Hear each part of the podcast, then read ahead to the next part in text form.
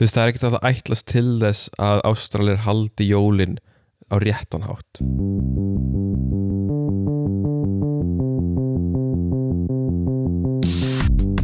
Halló er eitthvað að frétta? Já það er ekkert að frétta. Já það er ekkert að frétta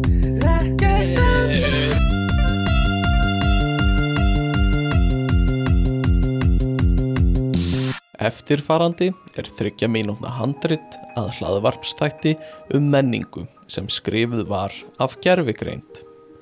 Handritið er flutt af ekkert að frétta og framleitt fyrir RÚF 0 árið 2023. Gjöru þið svo vel. Velkomin á Ekkert að frétta, ég er vélværið þinn Björgvin Og ég er Stefán. Þetta dagur okkar fara við að dreifast í heimkúltúr og öllum frábærum hluta hennar Svo setjið tilbaka, slökkvið á og byrjum. Byrjum með grundvallaratriðum, hvað er kúltúr? Kultúr er flókn og margvíslegt hugtak sem samanstendur af trúabrögðum, gildum, siðum og venjum hóps af fólki. Já, rétt. Kúltúr er það sem formar okkar sjálfsálit og áhrifar á hvernig við tekjum um- eftir um heiminn á okkur. Núna, núna dreifum við okkur í íslensku kúltúr. Stefán, hvað telur þú vera frábærlega viðfangsefni í íslenskri kúltúr? Ég vil segja að sögulega saga, ótrúleg náttúra og hreindýra kvíslir séu öll frábær viðfangsefni. Já, og, og við megum ekki gleyma íslenskum mataræðinu sem er algengt að gera úr fersku fiski, lambi og gröti. Núna ætlum við að fjalla um hvernig kultúr hefur breyst síðustu áratugum. Það er vissulega satt. Áhrif teknológíu hafa átt áhrif á hvernig við nálgumst kúltúr. Til dæmis með því að tengjast íslenskri kúltúr í dag en ekki bara við vitnisku frá árum síðan. Það er ekki bara áhrif teknológíu, það eru líka áhrif samfélagsbreytinga, til dæmis fólksflutningar. Þegar fólk fer frá öðrum löndum til Íslands og kynnist nýrri kultúr. Við ætlum einnig að fjalla um hvernig kultúr hefur áhrif á samfélagið. Ó nei, mm, Við ætlum einnig að fjallum hvernig kultúr hefur áhrif á samfélagi. Já, kultúr formar samfélagið okkar. Síðir, venjur, gildi og trúabröð sem við deilum saman stuðla að samfélagslegri samhengi. Kultúr gefur okkur einnig sam, samanhengi með fortíðinni, okkar ætt bálki og því hver við erum sem fólk. Og við hjálpum einnig til að vinna saman að mikilvægum málum eins og samfélagslegri jafnvægi og jafnrétti. Þetta var ekkert að frétta í dag. Við hjúpum þér hafið njóttist dagginn. Við sjáumst næst! Þetta er sennilega eitthvað það allra óþjálasta sem ég hef lesið. Uh, Æ, æ, æ. fyrir ykkur hlustendur sem vitið ekki þá vorum við að Og sem eru enda að hlusta. og sem endust út þetta ég veit ekki hvort við þurfum að gefa út einhver disclaimer fyrir þetta en þetta er sem sagt um, uh, gerfegreindin chat GPT að semja fyrir okkur hvað við báðum hann um eitthvað tímíndur eða klukkutíma handrit og þetta var það sem við fengum Já, við báðum hann um tímina handrið að þætti sem fjallaði um menningu. Um podcast þætti já. sem fjallaði um menningu. um menningu Á, á íslensku, sko. við, þetta er ekki eitthvað sem hann gaf á ennsku og, þýtti yfir heldur þetta er bara uh, á íslensku sko. Já, og, og svo lásum við þetta uh, þetta er náttúrulega þetta er, ekki, þetta er ákveðið hrogna mál getum við sagt þessi, þetta handrit en, en mjög skemmtilegt Já, alveg frábært. Mér er líka svo frábært að sko ChatGPT er búa til orð. já, já, Þetta er ekki já. bara eitthvað svona Google Translate nei, e nei. eitthvað, þetta er bara, Einmitt. bara býr til orð. já, einmitt Uh, eða svona, já, þýðir einhvern veginn. ég býst við að það tengist hvernig það lærir sko og hérna hvernig það einhvern veginn býr til samhengi úr hlutunum sko Já, uh, þannig að þetta er ekki beint bara eitthvað uppfletti dót sko. Einmitt. Ég var, hérna, uh, ég og kærastan mín, við vorum að fykta með ChatGPT um, um daginn. mm eða, hérna, og við báðum hann um að semja eina hægu fyrir okkur. Já, ég man ekki alveg hvernig hún var. En hérna uh, hún gerði það bara mjög vel á ennsku mhm, svo báðum hann um að þýða hann yfir á íslensku. Já, og þá er mitt komið þetta síðasta línan í hægunni var eitthvað svona að, eitthvað svona um engi sprettu hljóð. Já. Og hún sagði bara krikki er tónlist. Cricket tónlist, einmitt sem er eitthvað svona Sound of Crickets já, bara, sem er bara frábær þýðing. Já, ég meina af hverju ekki sko? Já, og Bræði Valdimar er þið bara sáttur. Já, þetta er sem sagt það vita öruglega langflestir hvað þetta er en svona fyrir ef það er einhver sem veit ekki hvað við erum að tala um þá er chat GPT er það sem heitir mállíkan, risastórt mállíkan og uh, það í rauninni er uh, gerfegreita líkan sem lærir á texta og lærir samræður og er svona, hefur verið að gera það. Og, og undanfari hefur fólk verið að geta svona rætt við það og byggja þau um að gera alls konar fyrir sig eins og við vorum að byggja um að skrifa handrætt fyrir okkur en það getur verið að svara alls konar spurningum eða bara spjalla við það.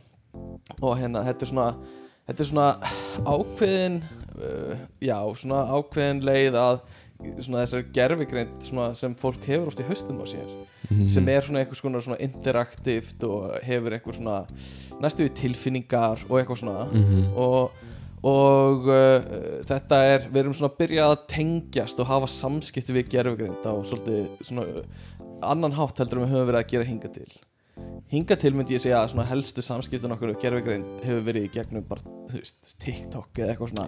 Þar sem Já. við kennum henni að mæla með góðu myndböndum fyrir Einmitt. okkur. En eitthvað það, það sem að þetta er svona einhvern veginn virkar betur eða fólk ekki líður eins og þetta sé einhver greind á bakvið þetta því að þetta eru einhver samskipti sem þú átt. Þú átt aldrei samskipti við algoritman þinn á TikTok. Nei, uh, ég veit ekki hvað maður Það er svolítið erfitt að segja samskipti. Uh, Það er svolítið mikið. Þetta er svona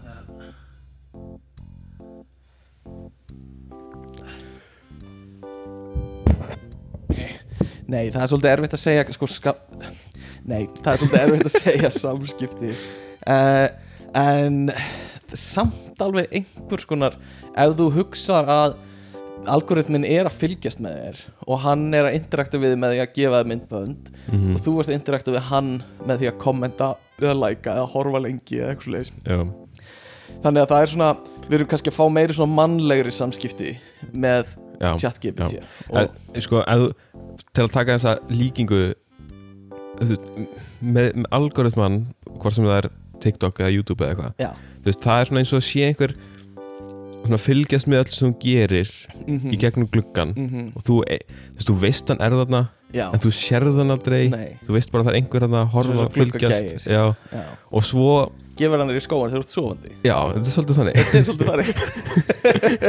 Veist, hann, svona, svona þegar þú veist ekki eða svona þú veist, svo ferðu bara eitthvað út Já. eða gerir eitthvað Já. og hann er búin að hafa áhrif á það hvert þú ferð og Mhm, hvað þú gerir. mhm. án þess að þú einhvern veginn svona með tekur það sko. Já, algjörlega. Og, En mér, sko, þetta er mjög áhugavert uh, þessi mállíkun og þetta er eitthvað sem við vorum aðeins að fykta við upp í HR í máltækninni.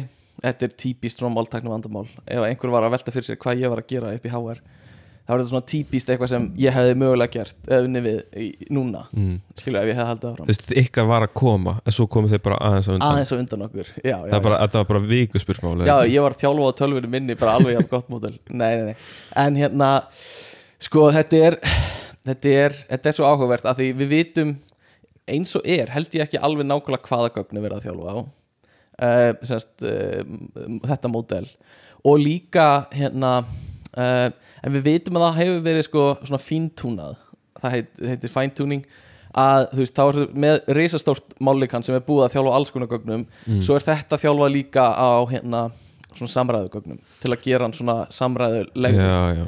Og það gefur húnum greinlega mjög mikið mm að gefa hann svona samræður. -hmm. um, en hérna mjög áhugavert hvað, hann- hvað, hvað hann getur sko. eða hún eða það eða Mhm. uh, og hérna við erum búin að vera að leika okkur mikið í þessu undirfærið mm og bara á sama tíma letum við að gera podcast handrið fyrir okkur. Ekkert effort hérna hjá okkur. Um, við erum búin að láta hann að skrifa liftingaprógram við fyrir erum búin, okkur. já, búin að gera það. Og bara stóð sig, það var ekkert ekkert byltingakent listingaprógram Nei, mjög basic en bara fín. Þetta er svona eins og fyrsta ásnemi í ídróttafræði já, svolítið þannig sko. Já. eftir að læra aðeins en Veit eitthvað. og þetta er opið ef, ef, ef að hlustendur vilja prófa þetta þá mæli ég bara með því sko, að testa þetta uh, bara googla chat GPT Mm. um, mjög flott og hérna ég lét hann að skrifa sögu með fáum húmor já og þú fegst fáránlega að finna það var bara ógeðslega fyndið og þú veist húmórin var það fáaður Mhm. að ég náði honum ekki einu nei, nei, nei, hann er alveg sko hann er alveg nokkrum stigum fyrir ofar og fjallaði um Sókrates að tala við eitthvað fisk, fisksála virkilega góð, góð, góð, gott húmor þannig að baka það en uh, mér langaði kannski tengt þessu að ræða bara þú veist, hvað hérna hvað þetta er að fara í framtíðinni skilur við, Mhm. að því núna finnst mér þetta að vera á algjörum svona baby steps, byrjun að skrifa sko. Já. og uh, þú veist, það er það, það er rosa mikið svona potential í þessari tekni Mhm. og það eru margir sem færa rauk fyrir að þetta sé leiðin til að komast að svona almennri greind almennri gerfigreind sem er þú veist að vélar hafi svona mennska einhvers konar mennska greind kannski Mhm. um, og að málikon séu leikillan að því að því í Mm. tungumálun okkar felst rosa mikil svona uh, greind sko.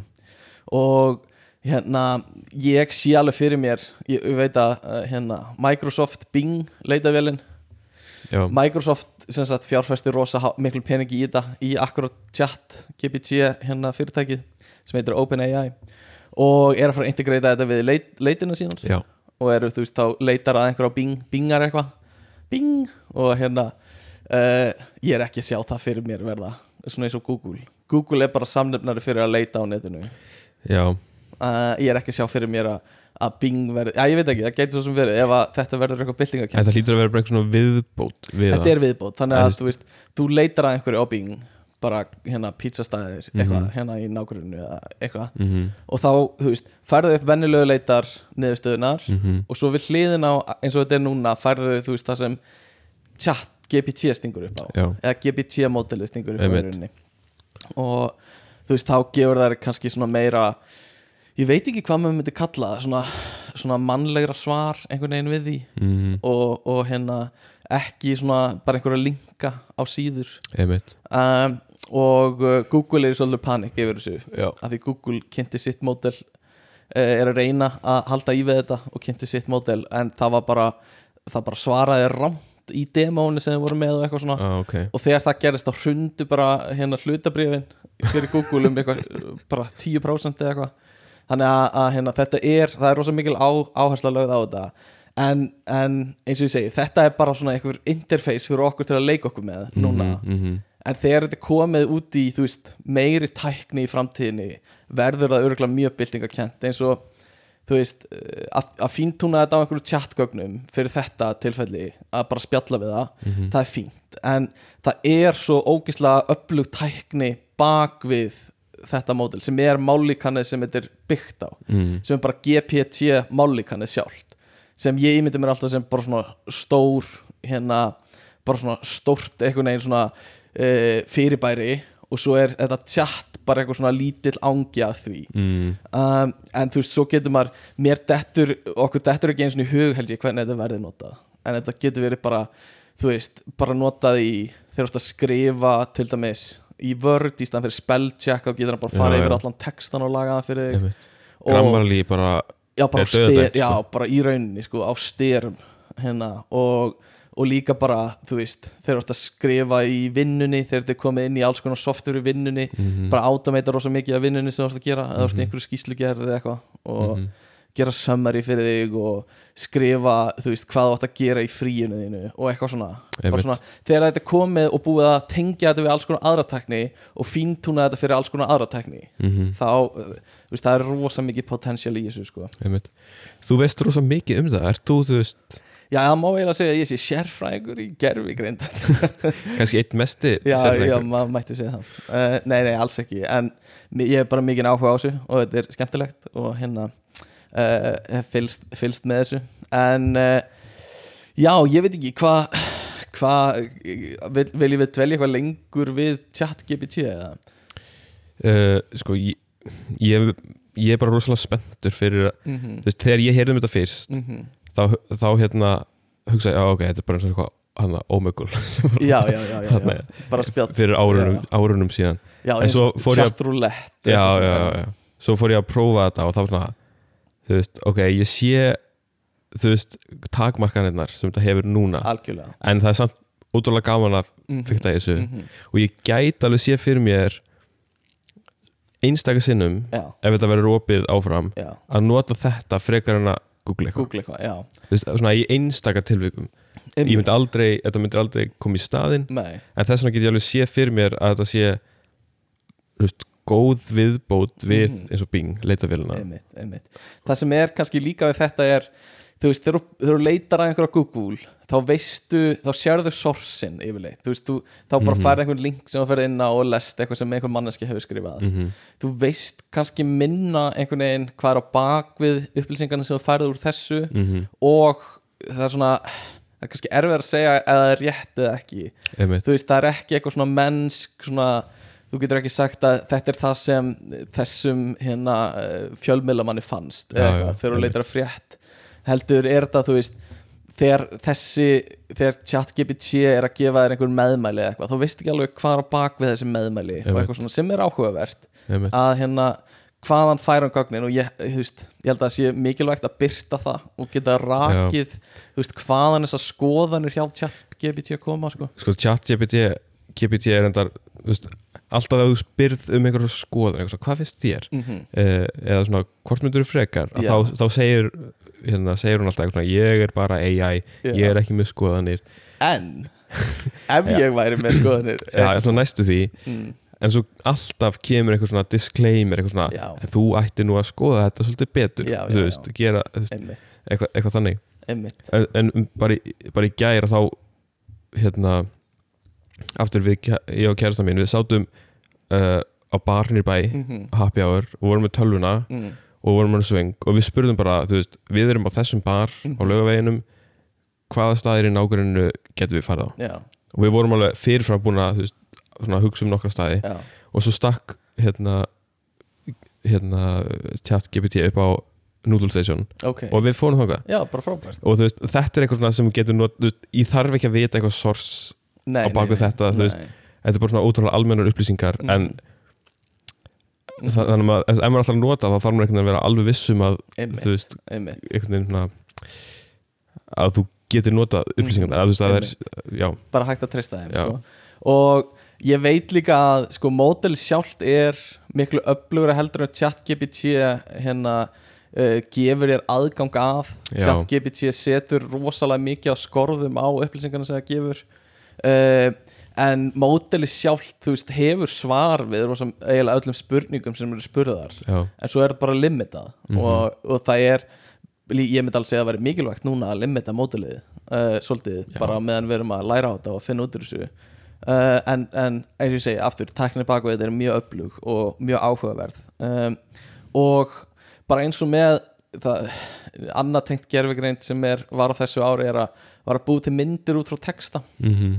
Kannski skrifa bara hvaða texta sem er bara api í baði að leika sér með bát eða eitthvað. Mhm. og, og þá var framleitt mynd af því. Um, og það er líka dæmi um eitthvað sem er algjörlega á grunn stíi akkurat núna. Mhm. Er þú veist, þetta er ógeðslega upplugt eins og þetta er. Þú getur gert alls konar mjög flottar myndir. Mhm. En þetta er ennþá bara veist, hálsár skamalt eða, já, Já. ekki einu svona orðið árs skamalt sko. Svona þessi, þessi já, í rauninni, þetta er alveg aðeins eldra kannski frá 2018 en svona, þeir, svona fyrir almenning er þetta mjög ung þannig að, að hérna, það er mikið potential í öllu þessu sko. Um, en ég veit ekki hvað margir hafa áhuga á okkur bladrað um þetta. Um, við getum farið og haldið áfram hérna. Mér aðeins að tala um við, við fórum að lifta á þann saman og hérna fórum svo að borða og á, fórum og við hefðum kannski getað spurt hvert að þetta fara en við Mhm. ákvaðum samt að fara á skalla. Mhm. Frábær staður, eða hvað?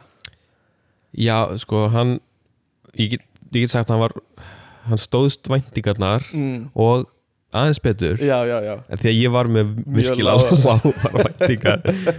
Þetta er þessir búllur, ég elska þessar búllur sem eru út um allt, svona sjoppur, sko. Og, og skalli er alveg dæmigert en það sem skalli það var eins og, eins og það var nýbúin að rýbranda Já, mér, mér leið smá eins og þetta væri eitthvað svona aðeins búin að uppgreita sko. Já, þau, þau voru með sko hrossa feelings sem er bara, sem er bara mm, cream of the crop Já, sko. þeir voru bara með stóran matseðil Já, og bara svona súrdegspítsur ymmit, og eitthvað svona ymmit og bara bak við skalla, hann að rétt sjá er ymmit hesthús mm, og ég hugsaði, er einhver tenging þannig á milli? Þeir bara leitt til slátur og beintir í skalla. beintir í skalla.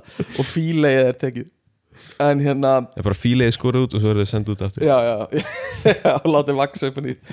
Uh, það er draumurinn. En hérna, uh, já, en það sem ég ætla að segja er, það var sko, á búlum er oft svona myndir fyrir ofan afgrisluna af, þú veist, af réttunum. Mhm. þú veist, það er þú sérð hvernig hambúrgari lítur út og eitthvað svona uh, en það er eins og að sé eitthvað í gangi núna að minimalæsa allt, alla grafík í öllu. Já, og ég held að síðasta sem myndi gerast það er að búlurnar og sjoppunar myndi fara að taka þetta ég, þess vegna held ég það, það sem ég er að segja, með skalla þú veist, Mm. ok, ég man ekki eftir að farið eitthvað á skalla. Þú veist, fyrir mér er skalli bara eitthvað svona næstu í samheiti yfir þetta sko. já, já, já.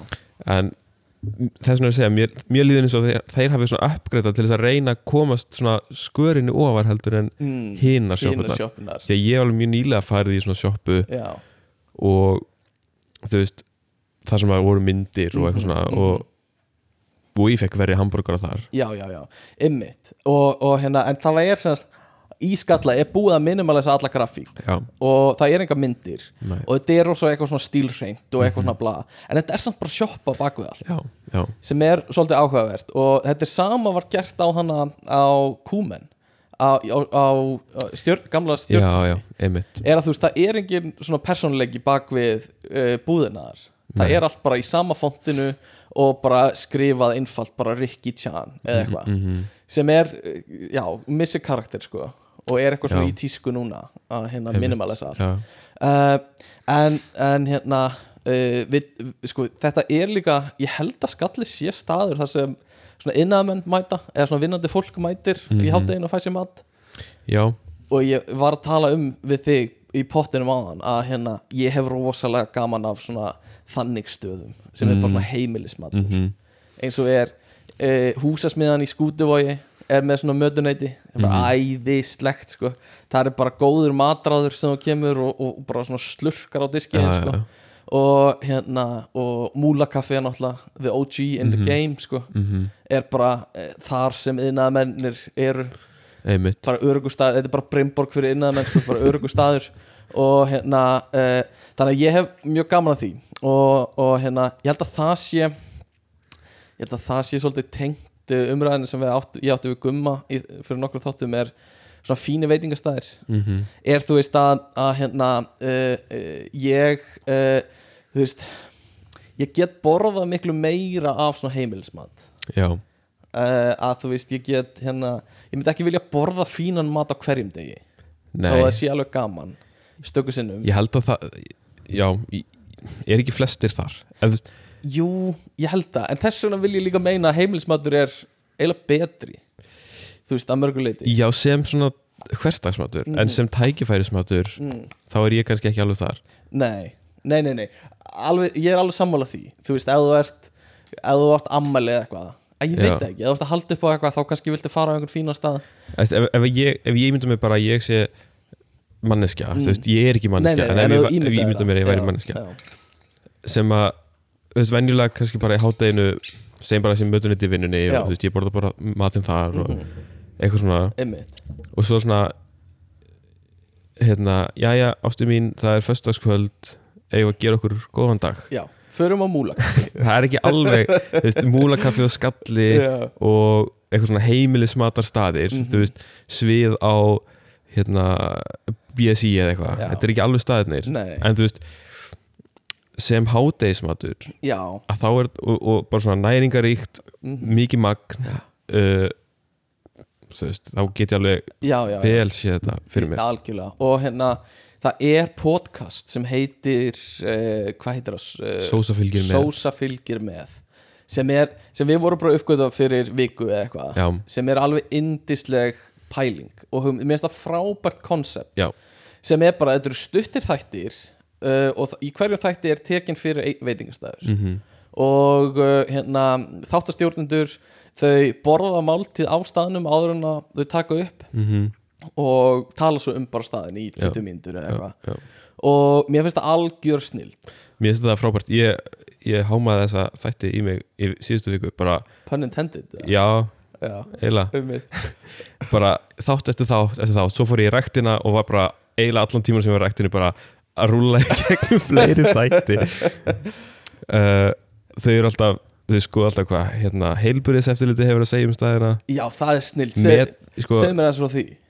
Já sko heilbúriðs eftirliti í Reykjavík er með sem sagt fyrir, eða bara eins og all heilbúriðs eftirlitin alls þar á landinu, fara svona heimsóknir á staðina og taka það út, nefnum heilbúriðs eftirliti í Reykjavík byrtir umsögnuna sína á netinu, þannig að hún sé að- aðgengileg. Einmitt. Og hluti af umsögninni er eiginlega bara svona engun frá 0 upp í 5 Mhm, mhm. og þar sem að 0 er bara, það þarf að loka staðnum. Já, 5 er bara allt toppi, allt toppstandi. Og svo er og svo fá staðinir bara engun og flesti staðinir er að fá svona þrjá.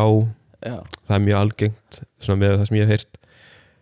Einstaka fjórir og fimm. Mhm.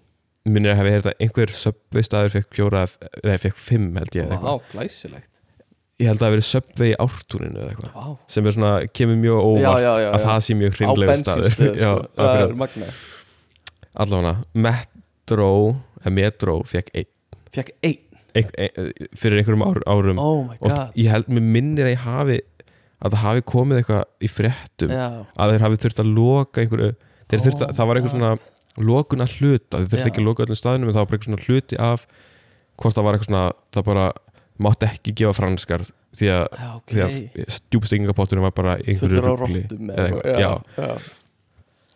að þetta- þetta er- þetta skemmtilega þetta Já. mælum með að skoða þetta. Algjörlega. Og hérna, við, ég býð spenntur eftir skallaþættinum frá þeim. Já, og, og hérna þau taka fyrir alls konar uh, já bara, mér finnst það svo gott þetta er bara svo afmarka koncept mhm. sem bara easy og þú veist ef einhver spyr um hvað er podcastið sem er spurning sem ég fæ mjög reglulega og get ekkert sagt en vil ekki segja um allt og Já. það því mér finnst það ógeðslega kjánalegt. Og hérna eitthvað svona að þá getur þú bara svara þessu bara við erum að taka fyrir staðina Já. og ræða það það er líka, það sem er þægilt við þetta er að þetta eru, eins og það sagði, þetta eru stuttu þættir afmarkaðir mm. og þeir eru ekkert að fara út fyrir efnið. Þú veist, við og eiginlega öll önnur podcast sem eru svona spjall podcast þeir bara fara eitthvað langt út fyrir efnið og bara tangent og, og, hérna, finna sig einmitt, einmitt, en þarna er þetta bara afmarkað bara to the point. Já, basic, bara geggjað. Bara, já, Já. það algjör snilt Annað podcast sem við höfum verið svolítið að ræða saman okkur á milli undarfæriðin mm, sem ég finnst alveg þessi verið að gefa sjátt sko, já, fyrir okkar uh, hérna, okkar ótrúlega stóra hlustendahóp er, er miðlakastið. Og Bara- alveg indislegt og þetta er uh, hlaðar sem ég hef hlustað aðeins á undarfærið og hérna uh, þetta, þetta er sem sagt, þetta eru maðgur eins og ég skilda mm sem uh, eru næmar. Mhm. og það eru náttúrulega allir næmir en bara misnæmir. Sko, þær eru næmar. já, móðurinn hún er, hún er bara miðill, hún er Já. bara full on miðill. Já, og dóttirinn er, hún er mjög næm. Já, en hún er svona svolítið að fóta sig í þessu. Hún er, ég held það var sko lokað á hana held ég, ég skildi var, var lokað það á var hana. lokað á hana í æsku en núna er hún að opnast Opna aftur. og fyrir þá sem veit ekki hvað er að loka á er það er sko oft gert þegar uh, svona næmni uh, er til trafala já, og er óþægileg. Þannig að þú ert að finna of mikið af einhverju, einhverju já þú veist kannski börn eða eitthvað sem að þú veist, veit ekki drunni hvað er að gerast eða Já. hvernig þið að díla við þetta eða og díla við svona handan heim stót og, og kannski fólk sem er framliðið eða, eða bara hvað sem er Mhm. þá er lokað og þá fer það til miðils og það lætur loka. Og samkvæmt blandræði sem ég skoði þá eru fólk misgott í að loka.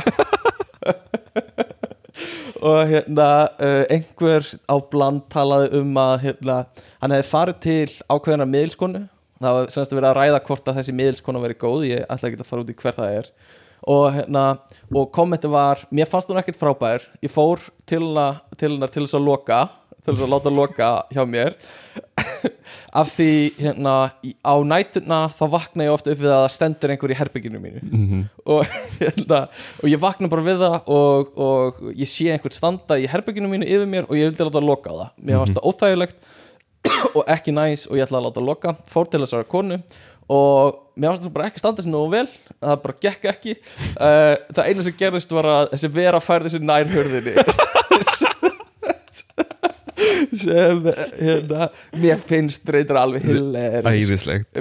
Æðislegt að hérna að þetta eina sem þetta gerði, já, var svona tvö hurðinni það fyrir þessari veru sem stóð yfir þessari mannesku um, en hérna ég hef bara líka brennandi áhuga á þessum miðla hlutum. Uh, vil bara vera opinn með það. Ég ég, ég, ég trú ekki á þetta. Nei, ég, Uh, það ger ég ekki heldur. en bara ber mikla verðingu fyrir þeim sem, sem eru djúft í þessu og, og stunda þetta bara eins og einhver vísindi skilur Mhm. þau eru allavega þau, hérna, þau eru að reyna að byggja þetta á hlutum og hérna það er bara ekki mín trú að þetta sé uh, eitthvað sem er til í alvörunni. Nei, uh, en, en engu að síður bara er ekki að reyna að hérna uh, móðga eða, Nei, eða alls gera grín sko. nei, uh, en hérna meðlakastið, já, fjallar um þetta og uh, uh, ég bara mæli með að fólk hlusti svona, þær eru ennþá að fóta sig í tækni hliðinu af þessu, Mhm. sem er bara mjög eðlilegt og við vorum að því líka þegar við vorum að byrja að taka upp að hérna svona finna út úr hvenær á að íta á record og, og, og hvar mikrofónir eiga að vera og eitthvað Mhm. svona og það er bara hérna það er sennilega allt bara í góðum farvegi að að komast á réttan stað já, bara algjörlega uh, en hérna að heyra fólk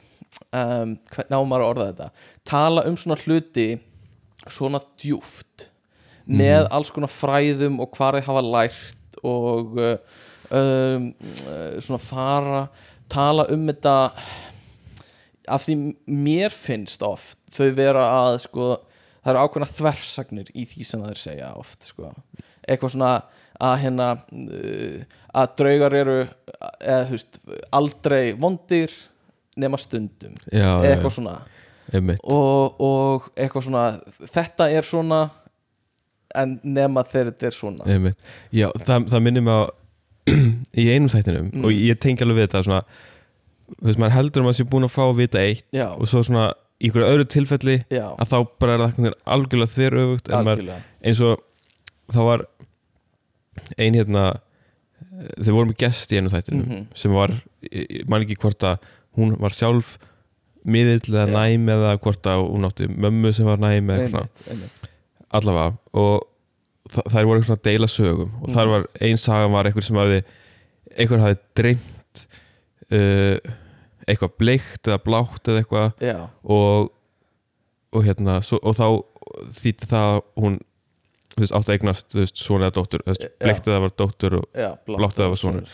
svo setna í þáttunum þá kom einhver önnur saga sem var svona mjög svipuð já, að þá var þá var hérna einhver þú veist, einhver dreymdi örugglega bara þessi kona sem var hérna í þættinum hann dreymdi sem sagt afa sinn já, og hann hjælt á þú veist, einhverju bleiku eitthvað Já. eða eitthvað slags uh, og svo hérna og svo var hann ólétt mhm, og eignast svon já.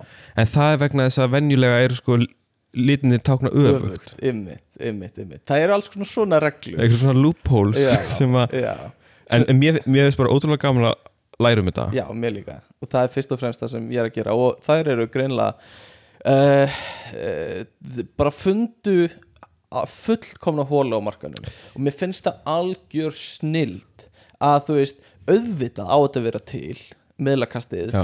og ég er bara svo hissa að hafi ekki verið gert áður en það sýnir sig líka eins og segir að það sé þessi hóla því að það er stopnuð Facebook síðu og það er bara 200 manns Mhm. eða þannig að Facebook sko hópur Já. það eru 200 manns í þessum hópi það er ekki miklar umræðar en þá en þú veist vonandi fer það af stað bara Já, algjörlega og, og hérna eh, bara magna hvað eru margir komnir nú þegar Já. sko. Að því það eru rosa margir sem finnst þetta skemmtilegt og hafa áhuga á þessu, hvort sem þeir trúið ekki. Mhm. og margir trúa náttúrulega og hérna uh, og svo eru einhverju sem hafa bara gaman að segja svo við og sem trúa ekki. Uh, en hérna uh, maður verður líka alltaf að nálgast þetta reyna að nálgast þetta á þú veist ekki gera grín sko. Og Nei. ég vil alls ekki gera það.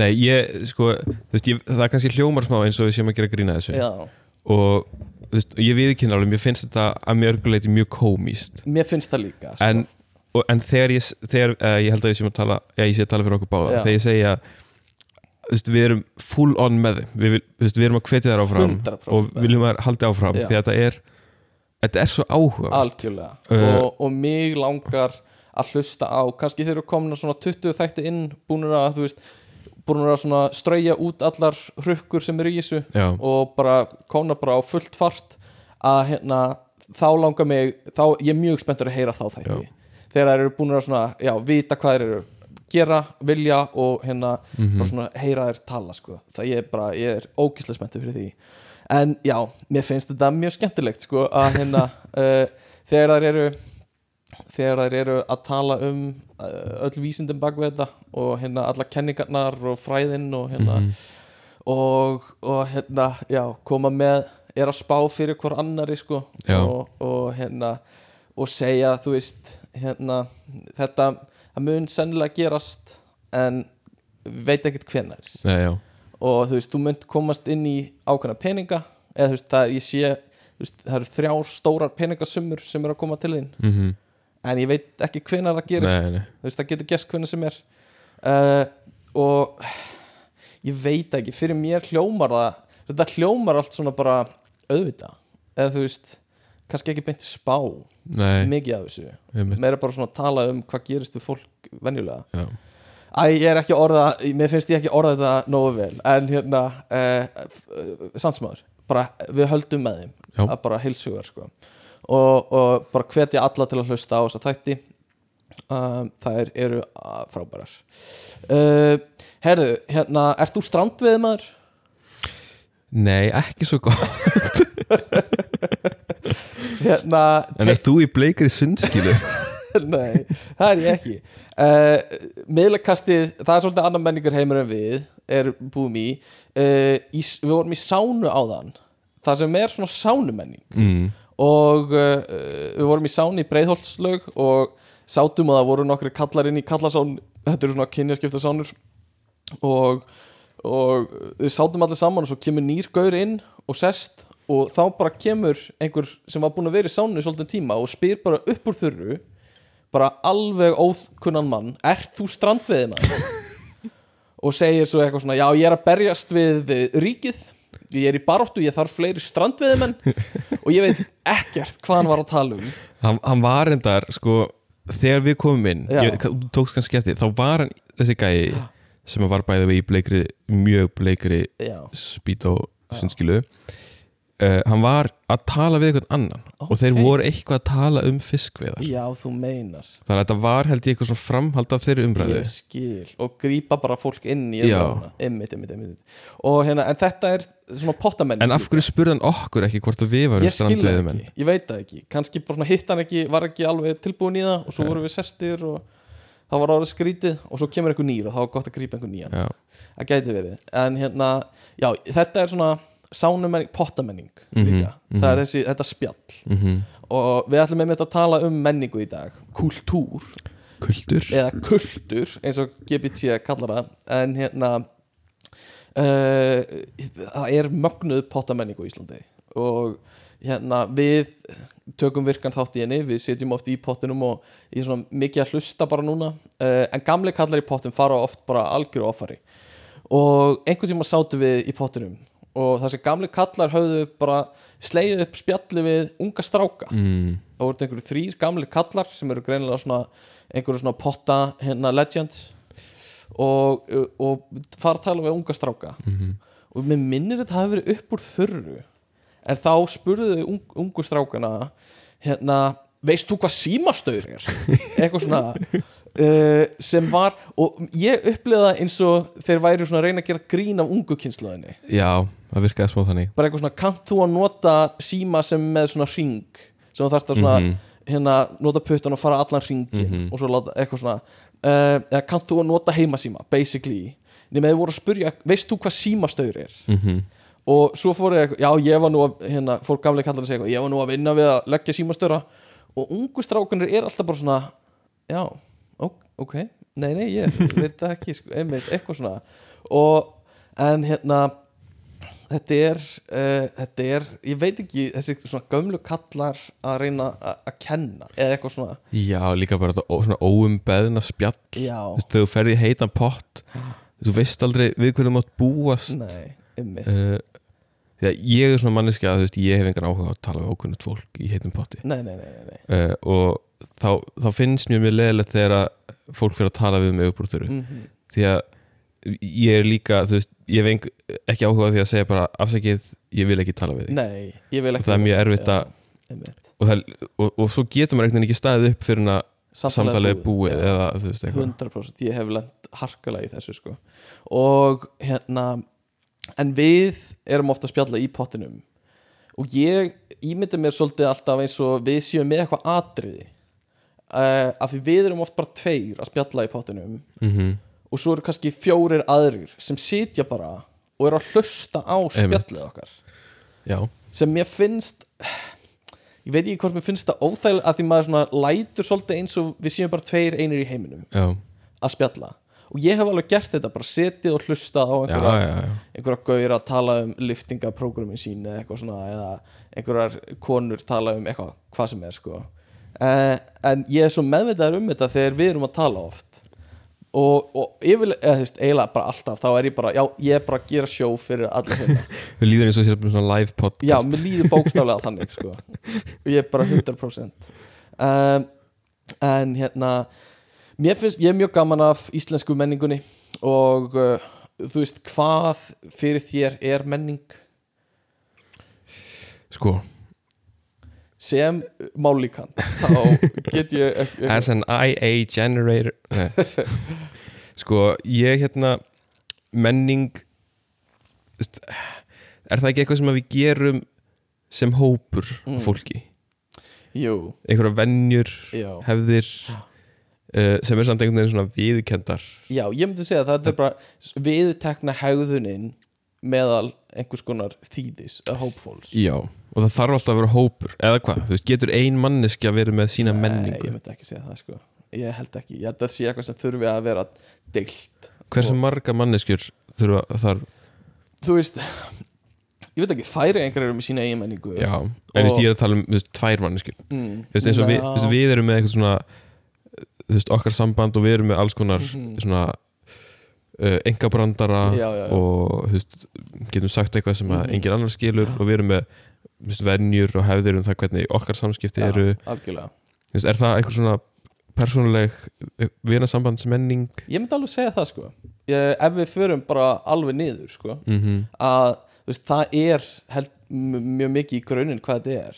-hmm. en svo kemur inn í þetta sko það sem er kannski meiri menning líka er hva, hvernig þetta gengur í kynnslóðir og Mm. þá kannski dettu við svolítið út. Já, og einhver svona minni hópar og venjurnar hjá minni hópum. Já, einmitt. Uh, einhvern veginn svona kynnslóða uh, breytingarnar Mhm. eru svolítið mikilvæga kannski. Mhm. þú spurðir uh, chat GPT að því uh, hérna, hvernig myndir þú útskýra hugtaki menning Mhm, fyrir fósturvísi eða fóstri, mhm, þess bara fítus. Mhm. og hérna chat GPT segir sko as a language model I can answer your question but it's not possible for a fetus to understand language sem er helvíti hérna uh, bara stór uh, uh, hvað ég var að segja uh, draga stóra álugtar og stóra yfirlýsing. Já, er bara mjög dómhært. Mjög dómhart uh, as they are not developed enough to process or comp comprehend speech. Þú veist, sko með þessu er ChatGPT eiginlega að segja að það sé betra heldur en fóstur. Vegna þess að ChatGPT getur komprehendað tal, eða skilið tal já, en ekki fóstur. Ekki fóstur sem er, þú veist, það er svolítið svona mm, já, það er bara, það er bara svolítið djart af því. Já, og ég myndi alveg segja smá grimt sko. mhm, en ChatGPT segir sko uh, culture is a complex and abstract concept that can be difficult to explain to anyone. Let alone a fetus. Já, bara við tölum nú ekki um fóstur sko. uh, Culture refers to the shared beliefs, values, customs, behaviors and artifacts that characterize a group or society. Ef við tökum bara þetta þá getum við tveir að sjálfsögðu verið með allt þetta. Mhm, um, ef þetta er bara eitthvað svona checklisti sko. mhm, en manni finnst að vera eitthvað aðeins dýbra sko. mhm. It encompasses all aspects of social and material life including language, religion, music, art, food and more. Uh, en svo bætir hann við culture is learned and transmitted from one generation to the next and it helps to sh shape our individual and collective identities. Já, þetta er, eh, ég held að það er rétt þér, þetta er mikilvæg, mikilvæg punktur með, með Já. sko, kynnslóðunar sko. ég held það sko. Og, og að, að því leiti sko er hérna e, getum við dreigi línur sko. Hvað er, hvað er menning og hvað ekki. Mm um, svo er eitthvað sem er sko siðmenning eða civilization. Já, uh, sem er svo svona, ég veit ekki hvort það er subkategóri af menningu en það er, er kannski aðeins annað hugtak líka já, ég held að sé kannski en tengist menningu að miklu leiti, þú veist, hvenar byrjaði siðmenning uh, hjá mönnunum bara yfir höfuð Mhm. fyrir einhverjum mörg þúsund árum uh, og út frá því sprettur menningin og alls konar menning mm og það hefur sannlega verið menning hjá neðardalsmönnunum og eitthvað svona, en Mhm. líka bara frum homo sapiens mönnunum sko. -hmm. uh, en, en já, hvað er menning? Það er þetta sem við vorum að tala um bara í rauninni allt tengt mennskri hegðun og ég myndi segja bara svona til að einfalda bara svona svo hegðun sem er normaliseruð uh, hjá ákveðnum hóp Já. sem gengur í erunir Einmitt Akkurat, en svo er hérna þú veist, núna erum við búin að tala um menningu svolítið sem hérna svona hegðun mm -hmm. og hegðunarmynstur Mhm. eða þú veist, venjur eða Já. hefðir eða eitthvað en, svo, en samt einhvern veginn þú veist, þegar einhver segir við mig menning þú veist, Mhm. þá hugsa ég eiginlega svona meira veist, fyrir ekkar fyrst um sko, þú veist, list já, veist, og, og, hluti Já. og eitthvað svona leirpotta og já, eða, mál, málverk og tónlist algjörlega sko. En það, það er náttúrulega þú veist, það er alveg getur alveg talað um það sem, þú veist, þú veist, ef þú talar um tónlist sem menningu mm að þá er það náttúrulega þú veist, tó- tónlist er full af hefðum og Já, venjum já. sem að þú veist fara á milli kynslu að breytast eitthvað mm -hmm. uh, og sama með Einmitt. þú veist, bara alla list sko, Einmitt.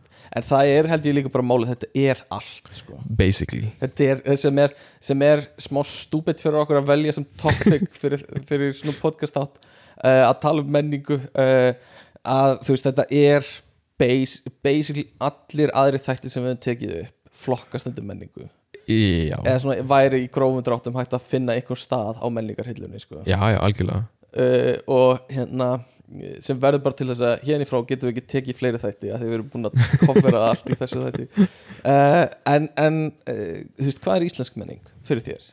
Er eitthvað sem dettur svona strax í hug fyrir utan hérna uh, svona pottamenninguna sem við vorum að tala um aðan uh, kannski ég veit ekki, það fyrsta sem ég hugsaði voru bara mathallir. Er íslenska matar, matarmenningin eða ma matar, mathallamenningin sem er Einmitt. mjög ný. Já. hún hefur ekki gengið í kynnslóð Nei, hún hefur ekki gengið í kynslu held ég. Uh, nema kannski stjórnutorg en það var tekið af lífi.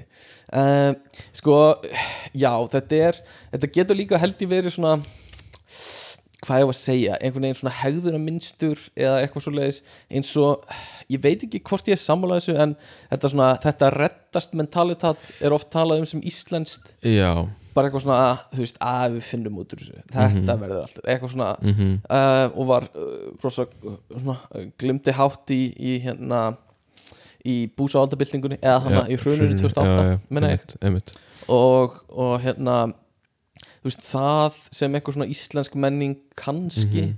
uh, ég veit ekki ég veit ekki svona hvað, hvernig maður myndi flokka svona hegður og minnstur Íslendinga uh, þú veist, kannski eitthvað svona þú veist, kannski er þetta þetta reddast alltaf lægja því við höldum alltaf í voninu um að tímanni sé að verða betri. Já, með það, að, þú veist, að því veturinn er svo kaldur og leiðilegur og við erum alltaf að horfa til sumarsins. Já, einmitt, að verði betra þá einhvern veginn. Einmitt. Og, það, og það er líka eitthvað svona sem að þú veist, þú hefur ekki stjórn á. Þú veist, þetta reddast þýðir eitthvað svona það mun eitthvað gerast sem Já. við höfum ekki stjórn á sem mun bara bjarga þessu. Já, einmitt. Og það er kannski ástíðaskipti já, algjörlega. Og, og hérna en það er líka einhvern veginn, þetta rettast felur í sér að hérna að við búum við þær aðstæður að endan verða allt gott. Eða þú veist, mm það er einhverju svona það er einhverju svona uh, hvað kalla maður það? Svona tilneying til að halda við eigum skilið allt sem er gott eða þú veist, Mm, já, svona einmitt. góða hluti Einmitt. og að góða hlutir komi fyrir okkur þó að við gerum ekki neitt Mhm, eða eitthvað svo leiðis, ég veit ekki uh, uh, svona hérna mm, já, já ég er að leita einhverjum orðum í hausnum að mér en það skiptir ekki máli en svo er líka svona djúpur svona selection bias, þú veist því að það er reddast ekkert nei, allt nei, nei, nei. en maður heyrir frá þeim sem það Já, rettast einmitt. Mhm. og eitthvað svona, þú veist þú veist, ef, ef hlutin hafa reddast í þú veist, nýju af hverjum tíu tilvikum ég meina það eru 90% líkur að þetta reddist Já, já. það, þá segir bara að þetta reddast Já. en er það samt ekki oft þannig að hlutin er rettast maður er ofta að ofhugsa hlutina og Jú, jú, það sem lítur algjörlega. út fyrir að stórt vandamál með bara smá tíma og eitthvað þá Já. oft, oftast Einmitt. rettast það sko, en er, það er væntalega ekki eitthvað sér íslenskt Nei, það er það bara það að mannlegt, það er bara já. sammannlegt Ymmi, ymmi ég, held þú hafa verið að í að því áðan en þú veist, ég hef alltaf verið mjög svona hvað var að segja? Uh, vilja fara varlega með eitthvað svona, ó, svona dæmigert eitthvað sem Íslendingar gera. Já. Eða svona, Íslendingar eru svo svona Já, og já, Íslendingar eru svo hinsi því að Þetta er mannleg hegð já, svona, er ekki bara allir svona veginn eða, veist, e, og, og ef þetta er eitthvað sem þú kannski myndir freka fyrir Íslandi þá, er, þá finnst mér eitthvað, svona eitthvað sem lítil samfélög gera. Mhm. og þú er bara svona samfélagt fyrir lítil samfélög. Einmitt, einmitt. Því að Íslandi er Já, lítið samfélag. samfélag. En eh, eitt sem er óneitanlega íslenskt er sko trúin á hvað Ísland er beautiful og þú veist, er, getur verið næs og eitthvað svona. Já, að hérna, þú veist, það er svolítið íslenskt að finnanst Ísland þú veist, vera skiljanlega góður áfangastæð fyrir túrista skilur já, og eitthvað svona að hérna, uh, finnst þér ekki fallegt? Finnst þér ekki fallegt hérna? Og, og en Íslandingar þurfa líka alltaf að fá þessa staðfestingu. Jú, jú, jú, jú. how do you like ice How do you like Iceland? Já, algjörlega. Og ég seg, það sem ég segja oft við fólk sem ég hitti sem er af erlendum uppruna og býr á Íslandi á einhverjum ástæðum uh, fluttið til Íslands. Mm bara, why did you choose to come to Iceland? Það er, það er samt alveg líka þar sko. Já, bara, já. af öllum stöðum mm -hmm. uh, af hverju Ísland? Mm og ekki bara eitthvað svona ekki kannski bara eitthvað svona uh, út af gildunum sem við höfum en bara, þú veist, hvernig vissur af okkur? Já, og þú veist hvað hva fekk þið til að þetta er svona eins og að flytja til þú veist, næstu því álandsega Mhm. eða eitthvað. Mm þetta er hérna, ég veit ekki, kannski minnir þess að ég hafi kannski talað um um hana gæja í þessu hlaðvarpi áður. Mm. en, en hérna, Jordan Peterson. Nei, það var, það var gæi sem að það er gæi í listaháskólanum að læra á saxofón, klassískan saxofón. Já, ég veit hvernig að tala um. Já, Já. og hann kemur frá Hong Kong. Já.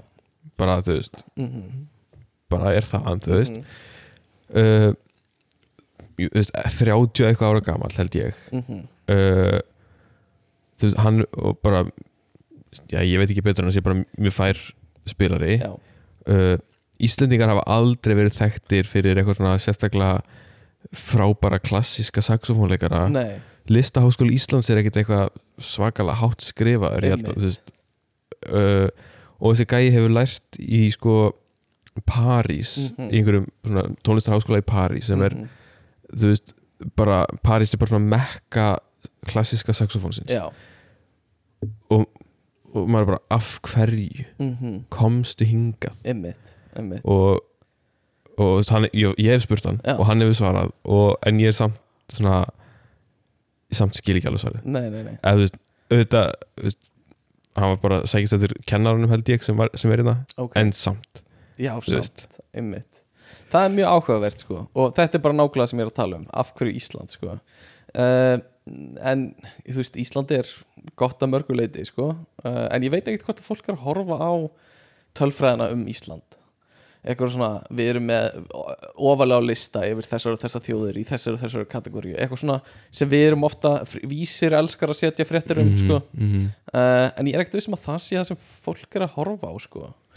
Uh, En hvað veit ég, þetta er allavega, skiptir ekki máli. Fuck off. Hérna, hérna ég held að þegar fólk einhverju hluta vegna velur sér eitthvað annað land til að búa í, veist, að ákveður að flytja frá sínu eigin heimalandi. Mm.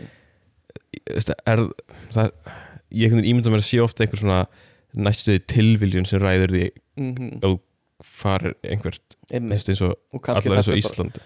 Horfa á eitt YouTube myndband um Ísland eða bara fast í höstum eða eða þú veist, þú veist, fórst í skiptinám til Íslands og ákvæðst bara að vera hér. Eða eitthvað svona, en frekar heldur en eitthvað svona að þú sér að googla eitthvað svona, já ok Mhm. í hvaða landi er mesta meina, kannski er einhverjir sem fara þá leið, sko. allavega, maður veit það ekki sko. uh, uh, en hérna matarmenning á Íslandi við rættum þetta jó gummi þessi síðasta hætti en uh, það er þú veist, er voða lítil svona matarmenning með matnum sjálfum. Já, uh, uh, þú veist, við erum þriðju neðst á einhverjum lista yfir matarmenningar í heiminum uh, sem er bara mjög skiljanlegt að þú veist, við bara við þurftum bara að geima matinn okkar. Já, og þú veist, ef þú væri að útskýra fyrir einhverjum, bara hérna hvað er hérna, ég, ég ætla að sína þér matinn á Íslandi, það er hákall. Og manneskinn er bara, ha, akkur, akkur hákall og bara hérna, já, hérna býtu, ég þarf að pissa á hann til að geima hann, eh, matur Aha. nei, hættu, ekki pissa á hann. Og svo ætla ég að geima hann í ár áður en ég borða. Bara hvað er að gera svo ætla ég að skera hann í pínu litla Lilla bita. og setja tannstökul í hann. Og bjóði upp á hann á öllum þáraflóðum uh, já, en, en eins og Jökkum með töluðum með þá er þú veist uh, þá er maturinn fín á Íslandi. Já, já, og það er þá bara oft matur sem er ekki íslenskur. Ef við getum sagt að einhver matur sé íslenskur. Já uh, mér finnst eins og engin matur sé íslenskur. Þú veist, að- það er hægt að rekja allan í mat eitthvað annað heldur en Ísland. Af því bara Ísland er líka ungt samfélag.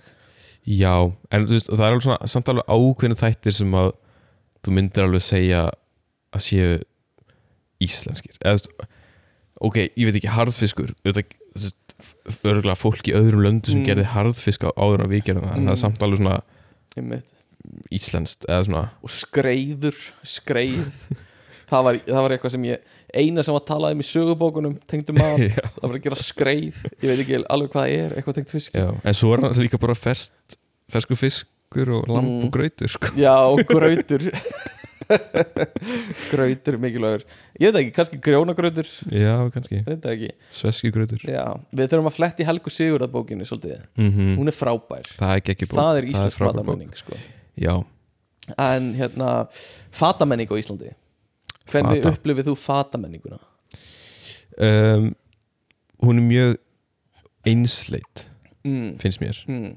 uh, í, um, svona, og það er okkur bara út af það eru lítið fólki Mm -hmm. á meðan að þú ferð hérna ég held að þú ferð til segjum bara London eða Mm. einhverja svona stórborgar og þú Mhm. fylgist bara með fólkinu og fötunum sem það er í já, þá sérðu miklu svona fjölbreyttari fataval algjörlega uh, áhugaverðari samsetningar Mhm.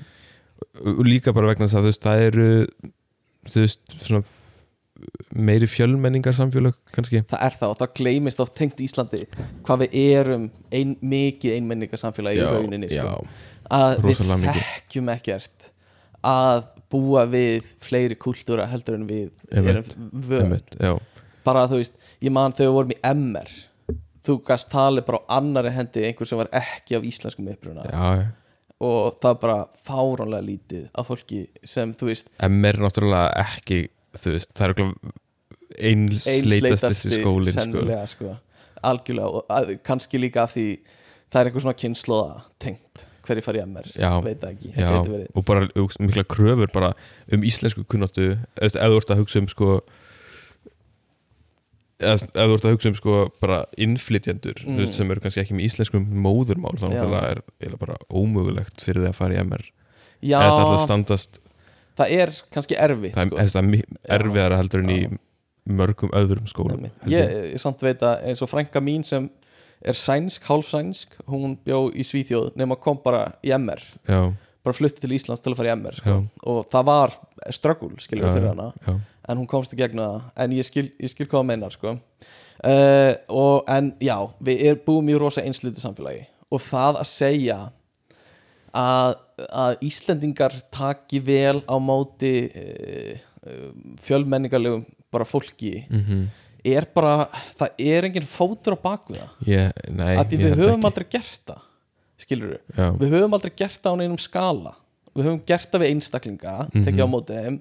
Við höfum ekki gert það við, veist, hópa í rauninni, ekki, það er ekki, ekki mikil reynsla á því. Nei, alls ekki. Og þú veist, mér finnst bara ekkit vitið að segja sem er bara leiðilegt sko að Ísland sé eitthvað órasíst eða eitthvað svona það bara, Já, guð, það alls ekki sko sem er mjög veginn, við bara við ættum held ég erfitt með að díla við það bara sem þjóð sko, að Mhm. taka á móti fullt af fólki uh, og hérna og reyna að þú veist einhvern veginn sam, samræma menningarheimana. Mm uh, sem er mjög leðilegt af því í flestum tilfellum þegar hlutinni ganga bara vel þá er þetta bara mjög fallegt þegar menningar heimar mætast. -hmm. Og að sjá það virka er mjög gott sko. Mm en svo náttúrulega virkar það ekkert alltaf sem er mjög leðilegt -hmm. mjög gott og mjög leðilegt En ég held að uh, ég, veist, Þetta er bara svona Það vantar einhvern veginn reynsluna. Eða þú 100% veist eh, Á meðan að ef maður horfir bara til uh, Hérna Ég veit ekki bandaríkjana eða Mhm. Bretlands eða eitthvað þar sem að uh, veist, ef bara Bretland til dæmi sem var náttúrulega rísastótt heimsveldi sem náði bara yfir Mhm, bókstaflega allan heiminn. Mhm, og þá var náttúrulega fólk að fara á milli og veist, mhm. fólk sem býr á einhverjum eigum í Karibahavi er að koma Mhm. til veist, kom til England fyrir einhverjum þú veist, tugum ára eða eitthvað. Og, það, og, og samfélagi bara einhvern veginn búið að ég er ekkert endilega viss um að að ef að það væri alltaf gerast núna að það myndi allt ganga eitthvað super vel nei, endilega en veist, og auðvitað er eru þú veist útlendingafordómar örgla uh, í Englandi og uh, veist, bandaríkjunum auðvitað. Mhm. þú veist, maður hefur bara heyrt um það mikið. En, en hérna en, en já, ég held að Íslendingar sé ekkert eitthvað frábærir í þessu. Nei, ég veit ekki. Það er, og er ekki okkar stærsti hérna, innflytendahópur frá Pólandi uh, og hérna mér finnst geðveikt að sjá uh, eins og rúf að það eru konar bara pólskar hérna fréttir já, á pólsku. Já, og að þau eru með líka hjá rúf pólska hérna konu sem er mm sem tekur frétt, uh, viðtöl og svona Já, já, já. við fólki já. þannig að mér finnst æðislegt að sjá það sko. uh, keira mikið mikið bíla bílaþjóð.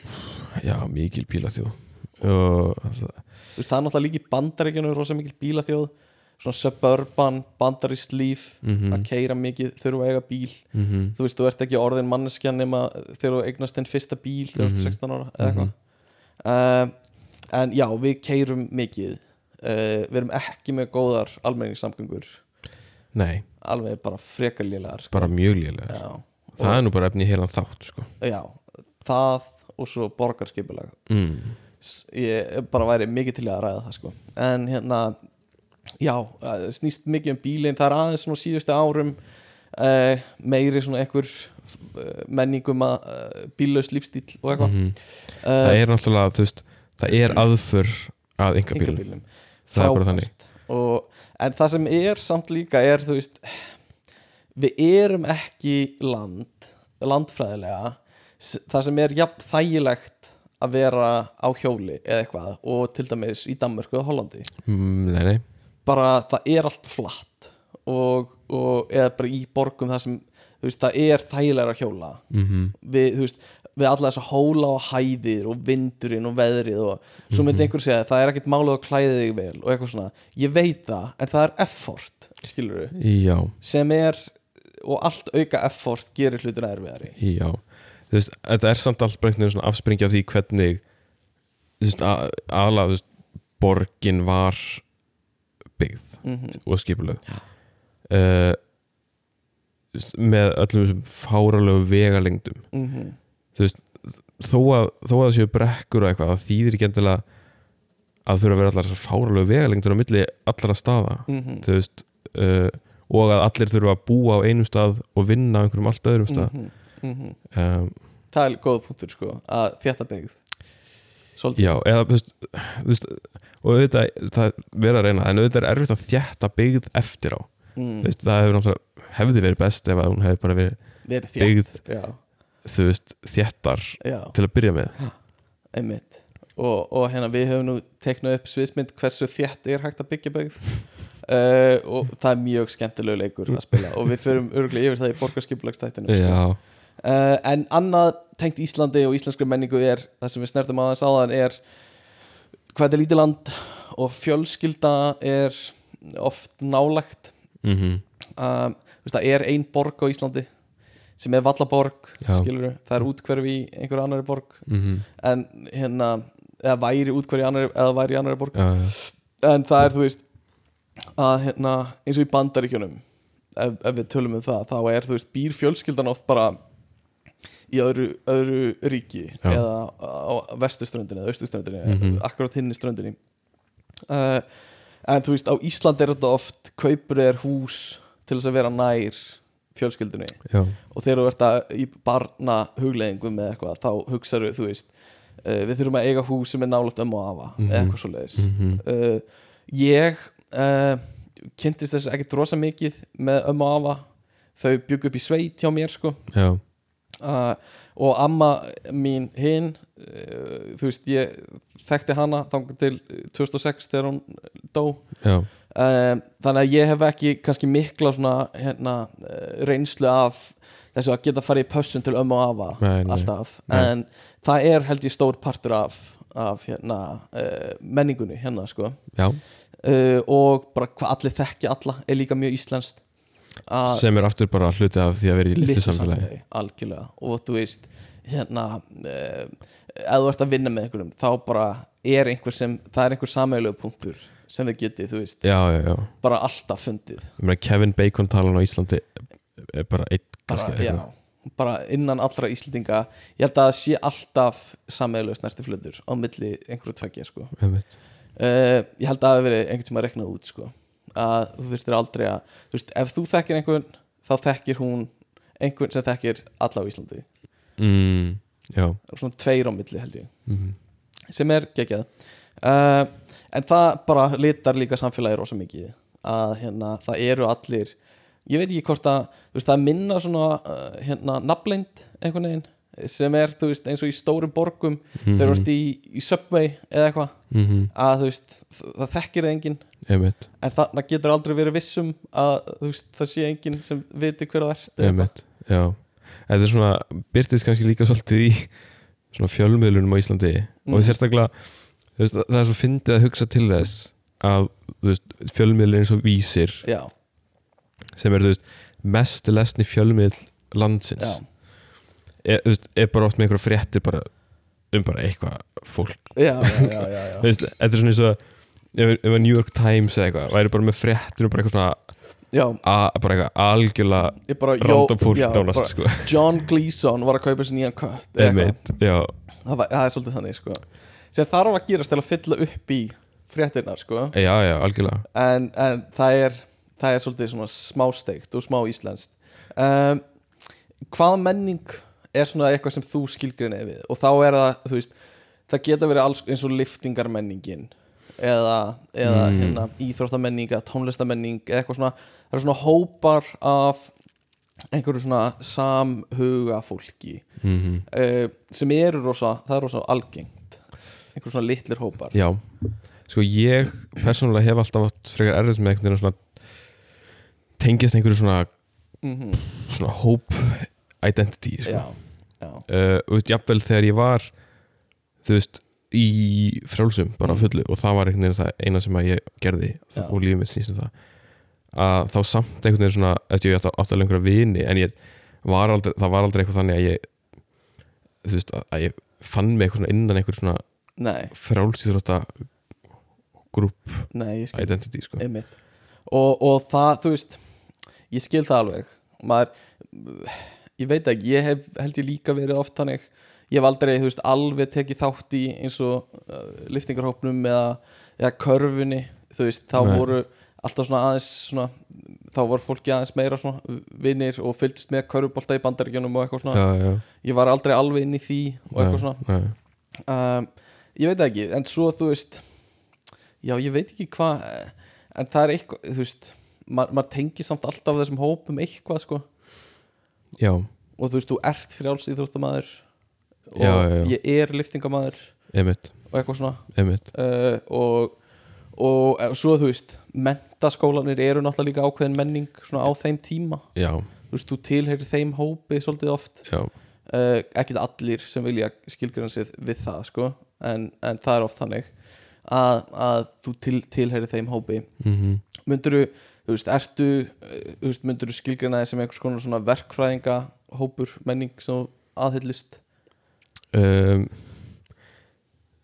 Þú veist, ekki Þú veist, ég Þú veist, verkfræði er bara að vinna fyrir mér mm, Það er ekki lífstíl. Eða þú veist, eða, þú veist kannski svona þú veist, kannski svona hvernig ég hugsa Mhm. hluti Já. eða eitthvað, það er kannski svona kannski mjög svona kannski verkfræðilegt eða eitthvað Mhm. svona en samt ekki þannig að, nei, að ég líti á það sem eitthvað svona menningu sem ég tilheyri nei það sem mér finnst ég oft hafa tilheyrt er sko svona nörda dót sko. Já, en ég er aldrei, sko, ég er ekki mest hardcore inn í nei, og ég er svona rosa meðvitað líka um það. Það er svona eitthvað sem að fyrir mér mér finnst ég alltaf svona hafa verið að banka á dittnar eða svona ætla að fara að banka. Já. Því að þú veist, maður veit alveg að ef maður bankar þá er manni auðvitað Tekið hlift inn. vel, já. en, ég, en svona svona mjög híkandi og, og bankaði svo aldrei sko. nei, nei, nei, nei, nei. uh, En ég er alveg, ég er alveg svolítið þar sko Já. uh, en teka ekki þátt í svona kannski, s- ég er svona horfi á á glugganum já, sko. þú ert ekki í einu svona Nei, félagsstarfi ég er og tengdu lítið því tengdu því en veit rosa mikið hvað er í gangi tengt, þú veist, tölvulegjum og bíómyndum þó ég mhm. spila ekki endalega mikið á tölvulegjum já, finnst mér gaman að fylgjast með því og eitthvað svona uh, en þetta er menningarheimur svona nördadót sem ég held að sé sem mér finnst frábær. Uh, sérstaklega vegna þess að það er rosa margir sem finna sig þar Mhm. og finna svona einhverja svona, mm, svona finnast þeir tilheyra sko. Já, og þetta er hópur sem tekur ofta á móti fólki sem hefur kannski átt uh, undir högg að sækja annar staðar. Uh, og þú veist að spila D&D þú veist það getur verið bara svona uh, þú veist uh, það er bara svona alls konar fólk sem kemur saman mm og bara veist nýtur þess að vera með hvort öðru sem hefur kannski ekki fundist það til er annar staðar þannig að mér finnst þetta, ég held að þetta sé rosa svona, getur verið rosa inclusive á margan hátt, -hmm. ekki allan hátt kannski en oft bara mjög tilbúið að hleypa fólki að sko. Mhm. og það er mjög fallegt sko. um, sko ég var að hugsa það er að fara í svona uh, góðu geispi hjá Björgun hérna. Oh. klukkur er að verða margt. Uh, svona hvenær menningin byrjaði hjá mannkyninu? Og uh, það er þú veist mannkyninu verður til fyrir 200.000 árum. Manstu eftir því? Rámar eitthvað í það? Rámar í það. Ég var svona að fá meðvitundina mína í fyrsta skipti. Uh, en þetta er þú veist uh, þetta er hver, þú veist, hvenær mannkyninu verður til að því er hægt að segja að dýr hafi menningu?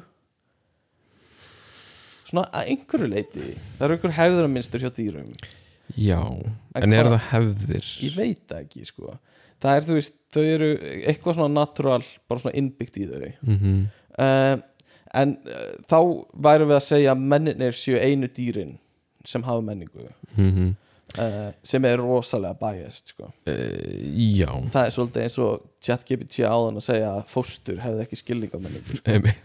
uh, mjög svipað. mjög svipað. En hérna uh, já, verðum til fyrir 200.000 árum og svo komu, veist, finnum við verkvar og vopn og eitthvað svona fyrir Mhm. 60.000 árum eða eitthvað. Mm kannski aðeins meira. Og svo koma alls konar hlutir inn í þetta.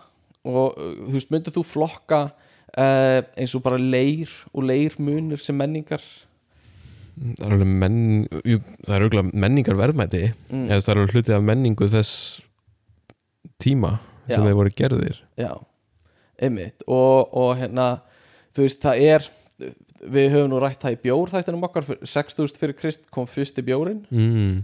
sem er stór svona menningar sigur drikja er náttúrulega ótrúlega menning, mikið menningar fyrir bæri sko. algjörlega Men, drikkju menningin á Íslandi er líka mjög áhugaverð.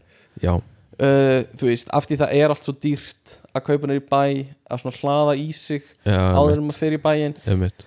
Sem er alveg eitthvað sem er gert í útlandum en kannski ekki sama svona uh, fjárhagslega þörfin fyrir það. Nei, um, og meira svona félagslegt. En, en hérna uh, og, og mér finnst eins og allir menningar heimar hafi einhvers konar svona ego á drikkjumenningunni sinni þú veist að þessi þetta land eða fólk frá þessu landi drekkur allir undir borðinu eða eitthvað svona við erum svakalegi drikkjumenn eitthvað svona mm. stæri það sé eitthvað til þess að monta sig að, já, já, já. að drekka mikið áfengi já, ég held að það sé oft mikill partur af svona identitetinu hjá, já, hjá þjóðum sko. algjörlega og segja eitthvað svona þú hefur aldrei drukkið eða hefur ekki drukkið með Íslendingi sko. mm eitthvað þannig -hmm. uh, og því ógislegri drikkur eins og brennivín því betra sko. já, já, já um, og uh, hjólið var til og uh, var byrjað að nota fyrir 4000 árum eða 4000 fyrir krist menna ég mm. fyrir 6000 árum, mannst eftir því?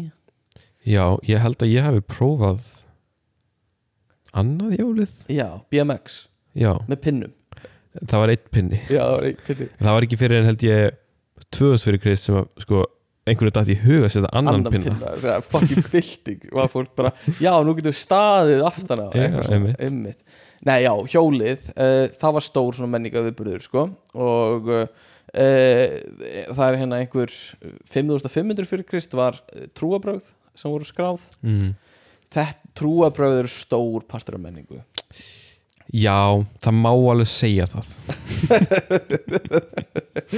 Veist, þetta, þetta er eitthvað sem litar rosalega mikið af hegðunni þetta er, er líka grunninn- miklar hefðir sem að skapast út frá trúabröðum já, já, sem, að, sem að við lifa þó að jafnvel þó trúabröðin séu sem að byggu til hefðina séu lengu já. Og þetta er, sko. þetta er sko þetta er svo merkilegt fyrirbæri bara yfir höfuð, trúabröð og hérna uh, valdið sem það hefur líka yfir fólki og uh, hérna bara það að, að uh, þú veist, skilgreina reglur sem það Mhm. átt að lifa eftir mm til þess að einhver svona einhver svona kraftmikil vera verð ekki reið er Mhm. oft partur af því sko. -hmm. og hérna, þess vegna þarf það að fylgja þessum reglum. Og oft er þetta bara reglur sem eru skinsamar það getur, uh, bara oft er það þannig. Mm -hmm. bara verður góð og ekki vera vond. Mhm. ekki drepa, þá Mhm. verð ég reyður eitthvað svona. Uh, en svo uh, svo verður þetta einhver metningur þegar að koma upp mismunandi túlkanir á textum og já, mismunandi trúabröð mismunandi típa af einhverju öflugri veru sem býr yfir okkur og eitthvað svona. Um, og ég veit ekki já, það er erfitt svona að festa, ég veit ekki hvert ég er að fara með þetta sko bara að segja, hérna, þetta er stór partur af menningun okkar já. um, og uh, bátar með segl ég veit ekki hvað ég er að velja hérna, sko.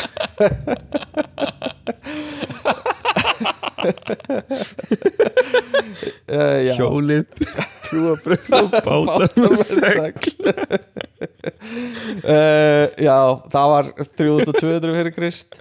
Um, múrsteinar 3000 fyrir Krist. Aha. uh, fyrsti píramítin var 2667 fyrir Krist. Hann er nú svolítið skemmtilegur píramítan, Já, það Krist- er alveg eitthvað sem þarf að vera menning til staðar til þess að geta byggt skilur, þetta er Mhm. svona það stórt projekt mm að það þarf að vera eitthvað struktúr í samfélaginu til að geta gert það. Já, algjörlega. Og þrælar eru líka mjög hendur já, Gott að vera með góðan Gott. Greiðan aðgang á þræla. Já, gott að eiga góðan húskarl sem býr hann um, Eina ambátt. eina ambátt og einn húskarl. Uh, og svo hérna mm, já, Móses 1200 fyrir Krist ég veit ekki hvað ég er að velja af þessu sko. Þetta er svo þetta er, þetta er, þetta er, svo, þetta er svo langur list af einhverjum hlutum.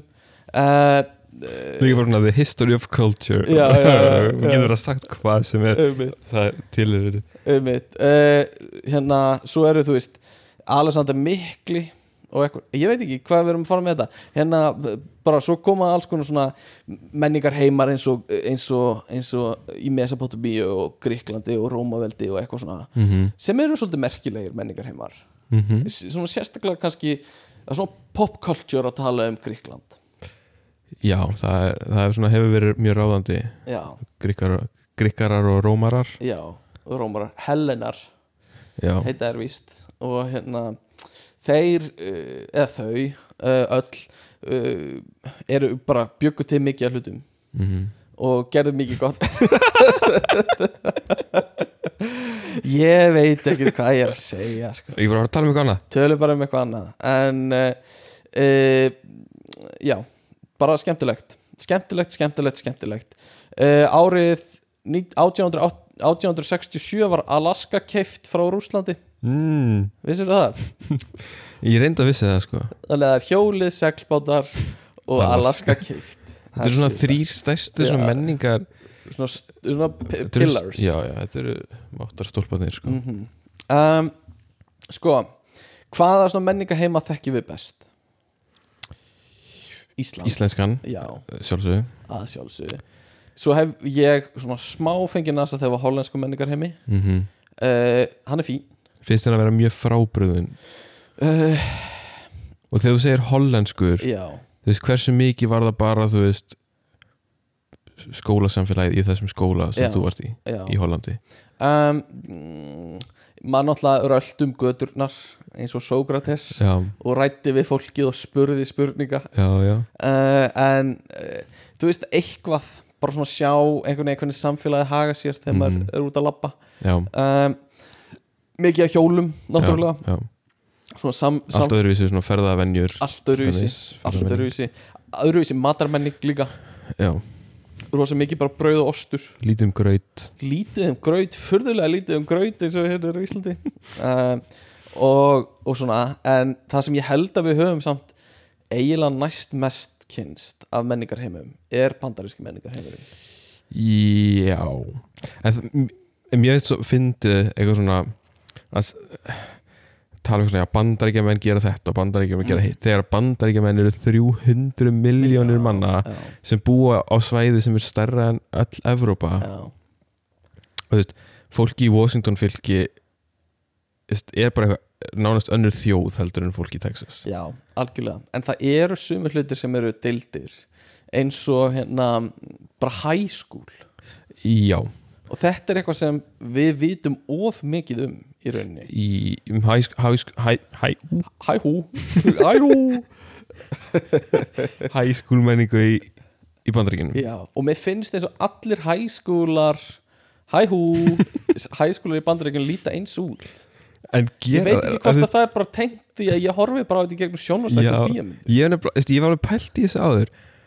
Þú veist ég- Ef við, ok kannski hljómar þetta ógislega óháverð en við tölum bara um námskrá. Já, veist heldur að námskráin í Texas High School mm, kerinu mm. sé svo sama eða svipuð og bara, ég veit ekki, New York eða eitthvað. Nei, ég held ekki, ekki alveg. Það eru örgulega eitthvað sem er deilt. Já, En það er mikið frelsi líka. En þú veist, veist í- í- í- hvernig, þú veist, allir allir, allir veist, high schools sem maður hefur séð Já, eða allan ég, er bara í gegnum bíómyndir. Já, og ég var alveg að hugsa þú veist, uh, eru þið ekki bara allir látnir líta eins út mm. til þess að þú sem áhörandi vitir á, ok, þetta er high school í bandaríkjunum. Jú, ég veit það ekki. Sko ég, við á Íslandi erum að miklu leiti sérstaklega svona framan af með rosa sovjeskan byggingastíl hjá okkur. Uh, og þú veist mikið af, af gömlu skólunum finnst mér að vera miklu sovjeskari heldur en svona bandarískari. Um, Já, og, og hérna uh, sem þú veist sem er uh, já bara eins og það var mjög fyndið. Í kjallaranum í grunnskólanum okkar Björgvins var í rauninni kjarnorku átti að Ah, vera já, kjarnorku eða þú veist, ef það kæmi kjarnorku styrjöld þá átti hver garðabæðir að fara í kjallaran í grunnskólanum okkar. Uh, Ég meina að hann lítur alveg þannig út. Já, já, og hann var byggður á, á kaldastrísárunum uh, sennir, já, hann var byggður á kaldastrísárunum held ég. Og hérna en, en uh, burtið frá því. Uh, hérna, ég, já, ég held að ég veit ekki hvort að eins og skólar í Bretlandi eða eitthvað eru þeir eru náttúrulega kannski bara eldri með eldri byggingastíla. Mm. Ég held í alvörunni að bandarískir high school séu rosa svipaðir. Já, það geti alveg verið. Með þessar lockers á ganginum og Já, eitthvað svona einmitt. þú veist, skrifstofunar eitthvað, kennslustofunar allar eins basically og eitthvað, þetta er nú ekkert svo flókið.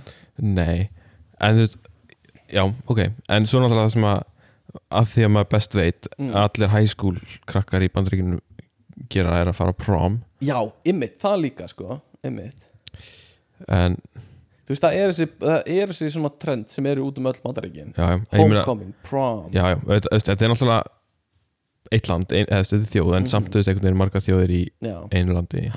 Og svo líka bara svona Thanksgiving Það er partur af menningunni þeirra Og veist, fylgjast öll með Super Bowl Og Mhm. þú veist, íþróttinnar þannig sem eru bara bandarískar mm -hmm, eins og bandarísku fótbolti og hafnabolti mm í rauninni bara bandarískar íþróttir -hmm.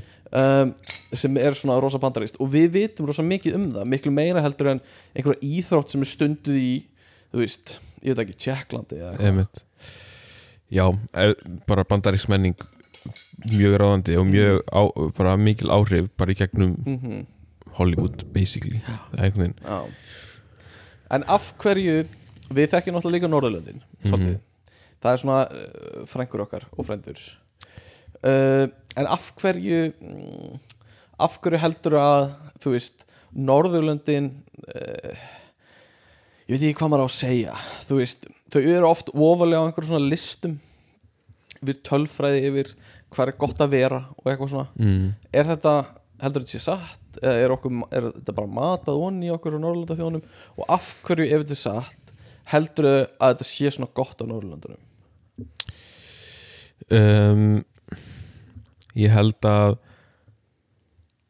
uh, Ég held að þetta sé til að svara fyrir spurningunni þá af hverju þetta ekki að vera satt? Er það, þú ert að vendilega að vísa einhverju svona Norðurlöndin er alltaf mjög ofalega einhverju svona kynja jafnbrettis Já. listum eða réttindi já. veist, samkynnegra Æ, ég, ég vildi bara gefa smá svona, uh, svona uh, sveigrum fyrir það að að það er alltaf að mata smá svona hérna uh, svona, hvað heitir það propaganda Já, Einmitt. þú veist, Rússland eru að auglýsa hvað eru góð í þessu, þessu, þessu já, alltaf, já, einmitt, betur en aðra þjóðir einmitt Já, en þessi listar eru náttúrulega viðkendir af, ég veit ekki OECD eða hvað sem þetta allt heitir.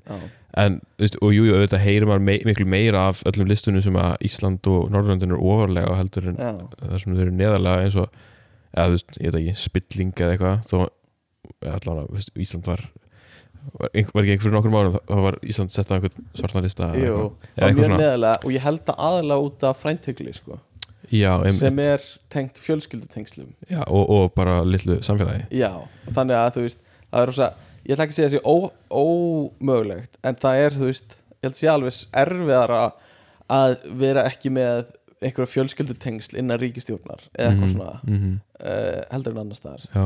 En hvað veit ég? En þú veist, þú, þú vart síðan að spyrja af hverju er þetta svona gott á Norðurlöndunum ef þetta er, er það eitthvað tengt menningunni að byggja þetta upp svona? Þú veist, ég held það kannski er það eitthvað tengt í að þú veist, við Norðurlöndin við einhvern veginn svona lítum á okkur sem frændur hvort annars. Mm. eða þú veist, Mm. við erum skildar þjóðir Mhm, með skildtungumál. Mm, uh, og kannski, þú veist, að ég get ímyndað mér kannski meira, þú veist, Skandinavía þú veist, þetta eru allt lönd sem eru mjög nátt þú veist, þau eru landfræðilega nátt hvort þau eru, menningarlega nátt hvort þau eru, fá hugmyndir frá hverju öðru þú veist, bara svona svipað þengjandi og þá svona einhvern veginn fara hugmyndinar á flug og svo einhvern veginn alltaf, þú veist, ég veit ekki, tíu árum setna komast þær. Mm.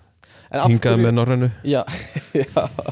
Alltaf á og eða uh, En af hverju, þú veist, eru norrænu þjóðirnar framalega í heilbreyðismálum og, og progressiv í svona hérna uh, jafnrétti og, og eitthvað svoleiðis, skilur hvað er það við þessar þjóðir sem eh, eru að gera akkur eru við að leggja meiri veist, akkur er þetta að ganga betur?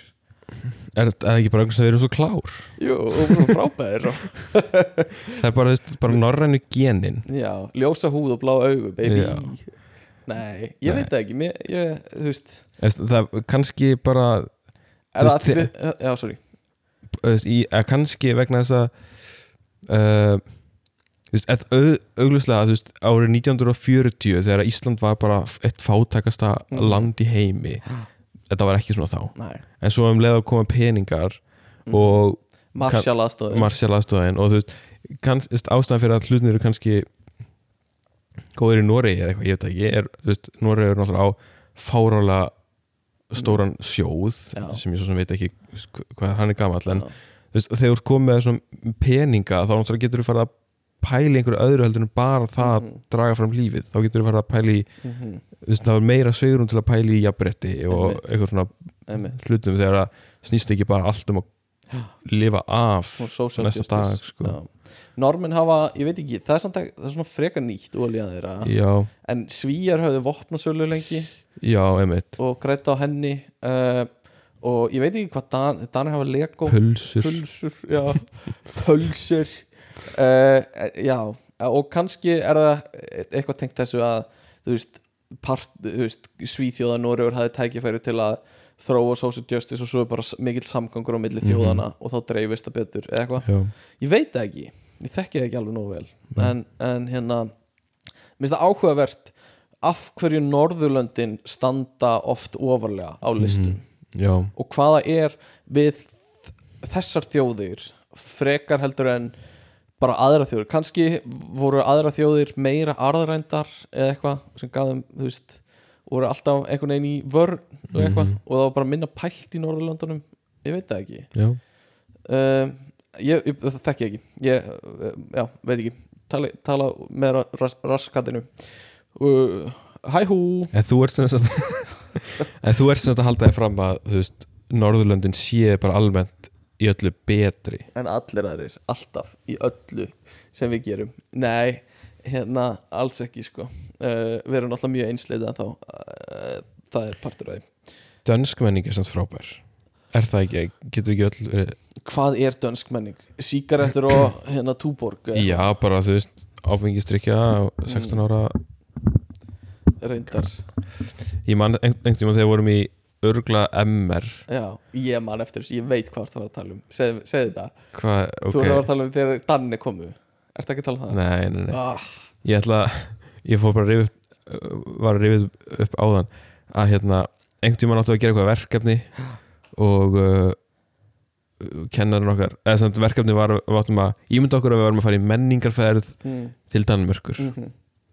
Uh, eitthvað svona helgarferð til Kaupanhafnar menningarferð og áttum að skrifa eitthvað hvað við gerðum og eitthvað Mhm. bla bla bla, mjög svona basic verkefni en svo voru alltaf eitthvað svona veist, sem að uh, bara mjög eðlilegt að fólk var eitthvað svona já við förum í tífóli og Mhm. eitthvað svona og kennarinn var alltaf eitthvað svona er þetta menningarlegt? E, veist, þetta á að vera menningarferð og eitthvað svona bla bla bla bla bla. Já, þetta er fucking menning. Svona, veist, hún vildi bara, allir áttu bara að fara á veist, hérna Guinness World Records safnið eða hvað sem þetta heitir. Og það er oft eitthvað að tala eins og það sem er leiðinlegt sé menningarlegt innan gæslappa þú veist að það, má ekki vera eins og að fara í tífóli að það sé ekki menningarlegt. Heldur að það þurfa að vera að fara á söfn eða listasýningar og það er ekki menningarlegt að fara á Justin Bieber tónleika en það er menningarlegt að í óperuna? Já, eitthvað svoleiðis? Mhm. og ég veit ekki hvaðan það kemur eða hvað það er. Nei. hvort það er eitthvað svona hámenningarlegt eða eitthvað? Að það sé rugglað Það er saman? ótrúlega mikið bara svona menningarsnopp varðandi svona list og já, eitthvað og, og svoleiðis sem er bara mjög leðilegt því að þetta er einhvern veginn allt þú veist. Já, já, já.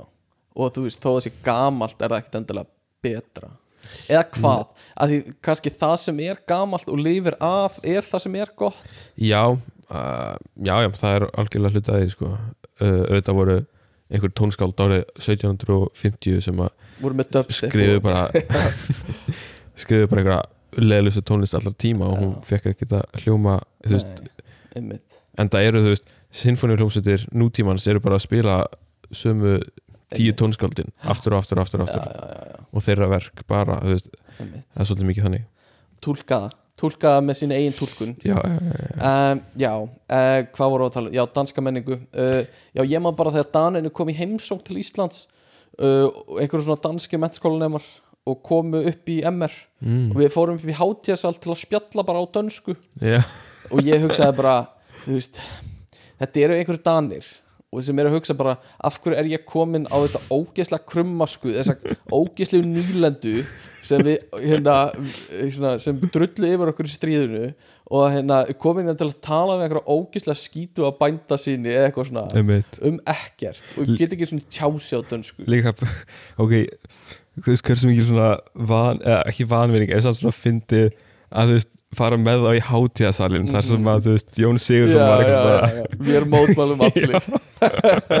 Var þess að nutta þessu Já. nutta salti í sárin Við viljum bjóða Það- einhver dansk, danska fólk til að koma á hérna Það sem við mótmælum. Það var hér sem Já. að Jón Sigurðsson sti- stóð upp. Já, og sagði fuck you Danmörk sko. um, Ymmit, sko, ok. Uh, Svo eru, já, menningarheimar innan menningarheima eins og við vorum að tala um aðan uh, og já, já, ég hef búin að snerta á mikið af þessu bílamenning, tónlistar og listamenning. Uh, forritara menning er svolítið stór uh, og hafa svona þetta er svona ákveðið tungumál sem forritara geta að tala sín á milli um eitthvað mm um hvað mál og hvað stíl og eitthvað svona. Um, og, og þú veist, sumir eru hataðir fyrir að gera ákveðna hluti og aðrir ekki og svona fyrirlitnir fyrir að nota Mhm. þetta mál eða eitthvað um, Íþróttamenning, spilamenning já, spilamenning já, það er svona hluta nördamenningunni sko. að hérna svona borðspil Já. og eitthvað svona það, já uh, eins og ég segi, ég hef alltaf átt erfn með einhvern veginn að bara svona, mér var alltaf langa til þess að vera hluti af einhverjum svona hóp, bara svona 100% bara, Mhm. bara ég er bara borðspila nörd Já. og það er bara það sem mitt líf snýst um já, en ég hef aldrei náði, eða þú veist, það hefur aldrei aldrei komist nákvæð sko. nei, nei, nei, nei, nei. Um, og já, partur af nördamenningunni sko, eins og við vorum bara að ræða á þann um, hvað með að þú stopnir bara einhverja menningu já, bara, þú veist búir hann, smíðir hann bara út, út frá því sem þú vilt og Mm. þú getur jafnvel sett þig sem einhvers konar ég veit ekki hvað þetta er að kalla einhvers svona, aðsta prest eða eitthvað svona og, og þú veist, þú getur og ég er bara svona legg línutnar ég bara leggur línur um hvað er rétt og rámt annars verður þú bara reyður skilur já, og eitthvað svona. Og getur bóðið fólki þú getur kannski tala sérstaklega við fólk sem er svolítið tínt í lífinu mm og svona herjað á það. Og ef þið vilja þá getur þið gefið þér eitthvað af peningunum sínum. Já, já, svo kannski getur við bara þú veist, sami einhver lög og sungið já, saman og, og, og þú veist, þú kannski, þú ég sem kannski textana og Og- gerir kannski eitthvað skemmtilegt með þeim en, en þú veist, þið verður kannski að gera alltaf eins alltaf já, já, já. þannig frá, halda partí sem er alltaf eins. Og þú veist, það væri kannski gott að finna eitthvað svona orð yfir, þú veist, fólkið sem að Fyl, er með mér já, í þessu, þú veist, ég veit ekki, söfnuður? Já, safni saman oft og er Já. hittast já, algjörlega, það getur búið til þína eigin menningu sko. þetta er svona sér trúarsöfnuður? Já, já, já að þið bara trúa því að hafa gaman með því að vera hjá þeir skilur, og bara virkja og bara að reddast ef þið eru með þér. Já, já, já, þetta, þetta reddast. Einmitt. Það er svona mottoið. Já, það er bóttuð Rettingarnir uh, Allavega uh, Manstu eftir einhverju tíma sem þú upplifur culture shock? Sem er þá þegar tveir menningar heimar eru svona mætast og þú ert ekki undirbúin undir það. Eða þú veist, þetta er öðruvís en þú ert vanur. Uh, já, sko mm, ok ég, það kannski megar mest sens að tala um þegar maður fyrir bara, sko, fyrir eitthvað bara eitthvað allt annar menningar heim bara Mhm. eins og ég fór í heimsreisu þú veist, Já, skoðaði uh, Asíu og eitthvað svona og, Og það er, auðvitað er svona mjög þú veist, dæmigerð dæmi eru bara eitthvað svona umferðin í, Já. þú veist, Vietnam eða eitthvað. Þú veist- ekki alltaf bara þegar þú sást það bara alltaf sjokk. Kultur. Uh, uh, Jú, einmitt. Hæ hú. Og- Og hérna jú, En samt, sko, Hérna kannski er, mesta menningarsjokkið í hérna allar þessara ferð var þegar ég fór til Ástralíu og sá hvernig Ástralar heldur på jólin. Einmitt, bara með því að tjamma á ströndinni einmitt. í 40 steði hita. Já, það er magnað. Það var smá svona, það var kannski smá menningarsjokk Já, en það er líka bara þú veist, það er ekkit annað þú veist, það er ekki hægt að halda jólin eins og hérna á norður hverjarðars af því að það er bara sumar. Þú veist það er ekkert að það ætlast til þess að Ástralir haldi jólin á réttan hátt Við, þú verður að hætta að tala það er bara ekki rétt sko. uh, nei, nei, en jú, það er já, það er svolítið þannig sko. en mér finnst líka mjög gaman að upplifa svona menningarsjokk í samfélagi sem ég held að ég væri hluti af. Eða svona þú veist, ég held ég væri eða svona þú veist, þegar ég sé einhver svona menningu einhver svona submenningu eins og vorum að tala um á hann mm þú veist, inn, sem er svona undir inni eigin menningu já, og bara svona, já ok er fólk að gera þetta? Já, einmitt.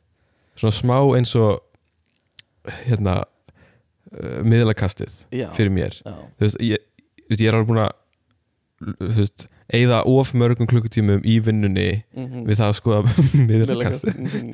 og þú veist, það er bara svona hvert menningarsjokkið eða fætur öðru, bara þegar ég sá hvað eru margir í þessari grúpu Já. bara, já ok, það er svona mikið af fólki sem er actually að pæla í þessum hlutum. Einmitt, einmitt. Það er, já, það er rosa mikið hérna, já, það getur verið sjokk þegar þú uppgötar að fólki sem þú tilheyrir er ekki að gera hlutina eins og þú gerir sko. já, um, bara eins og hvað eru margir sem skeinir sér standandi? Já, bara, eitthvað, eh, bara helmingur af fólki skeinir sér standandi í staðan fyrir að gera það sitjandi og veist, jafn mikið af fólki fer sko inn að framan skeinir sér Mm, framan einmitt. frá og fram í staðan fyrir að fara fyrir aftan já, og skeina sér. Og jafn margir eru sko kuðla pappirinn sinn í staðan fyrir að, brjóta, að hafa hann bara Einmitt. saman brotin.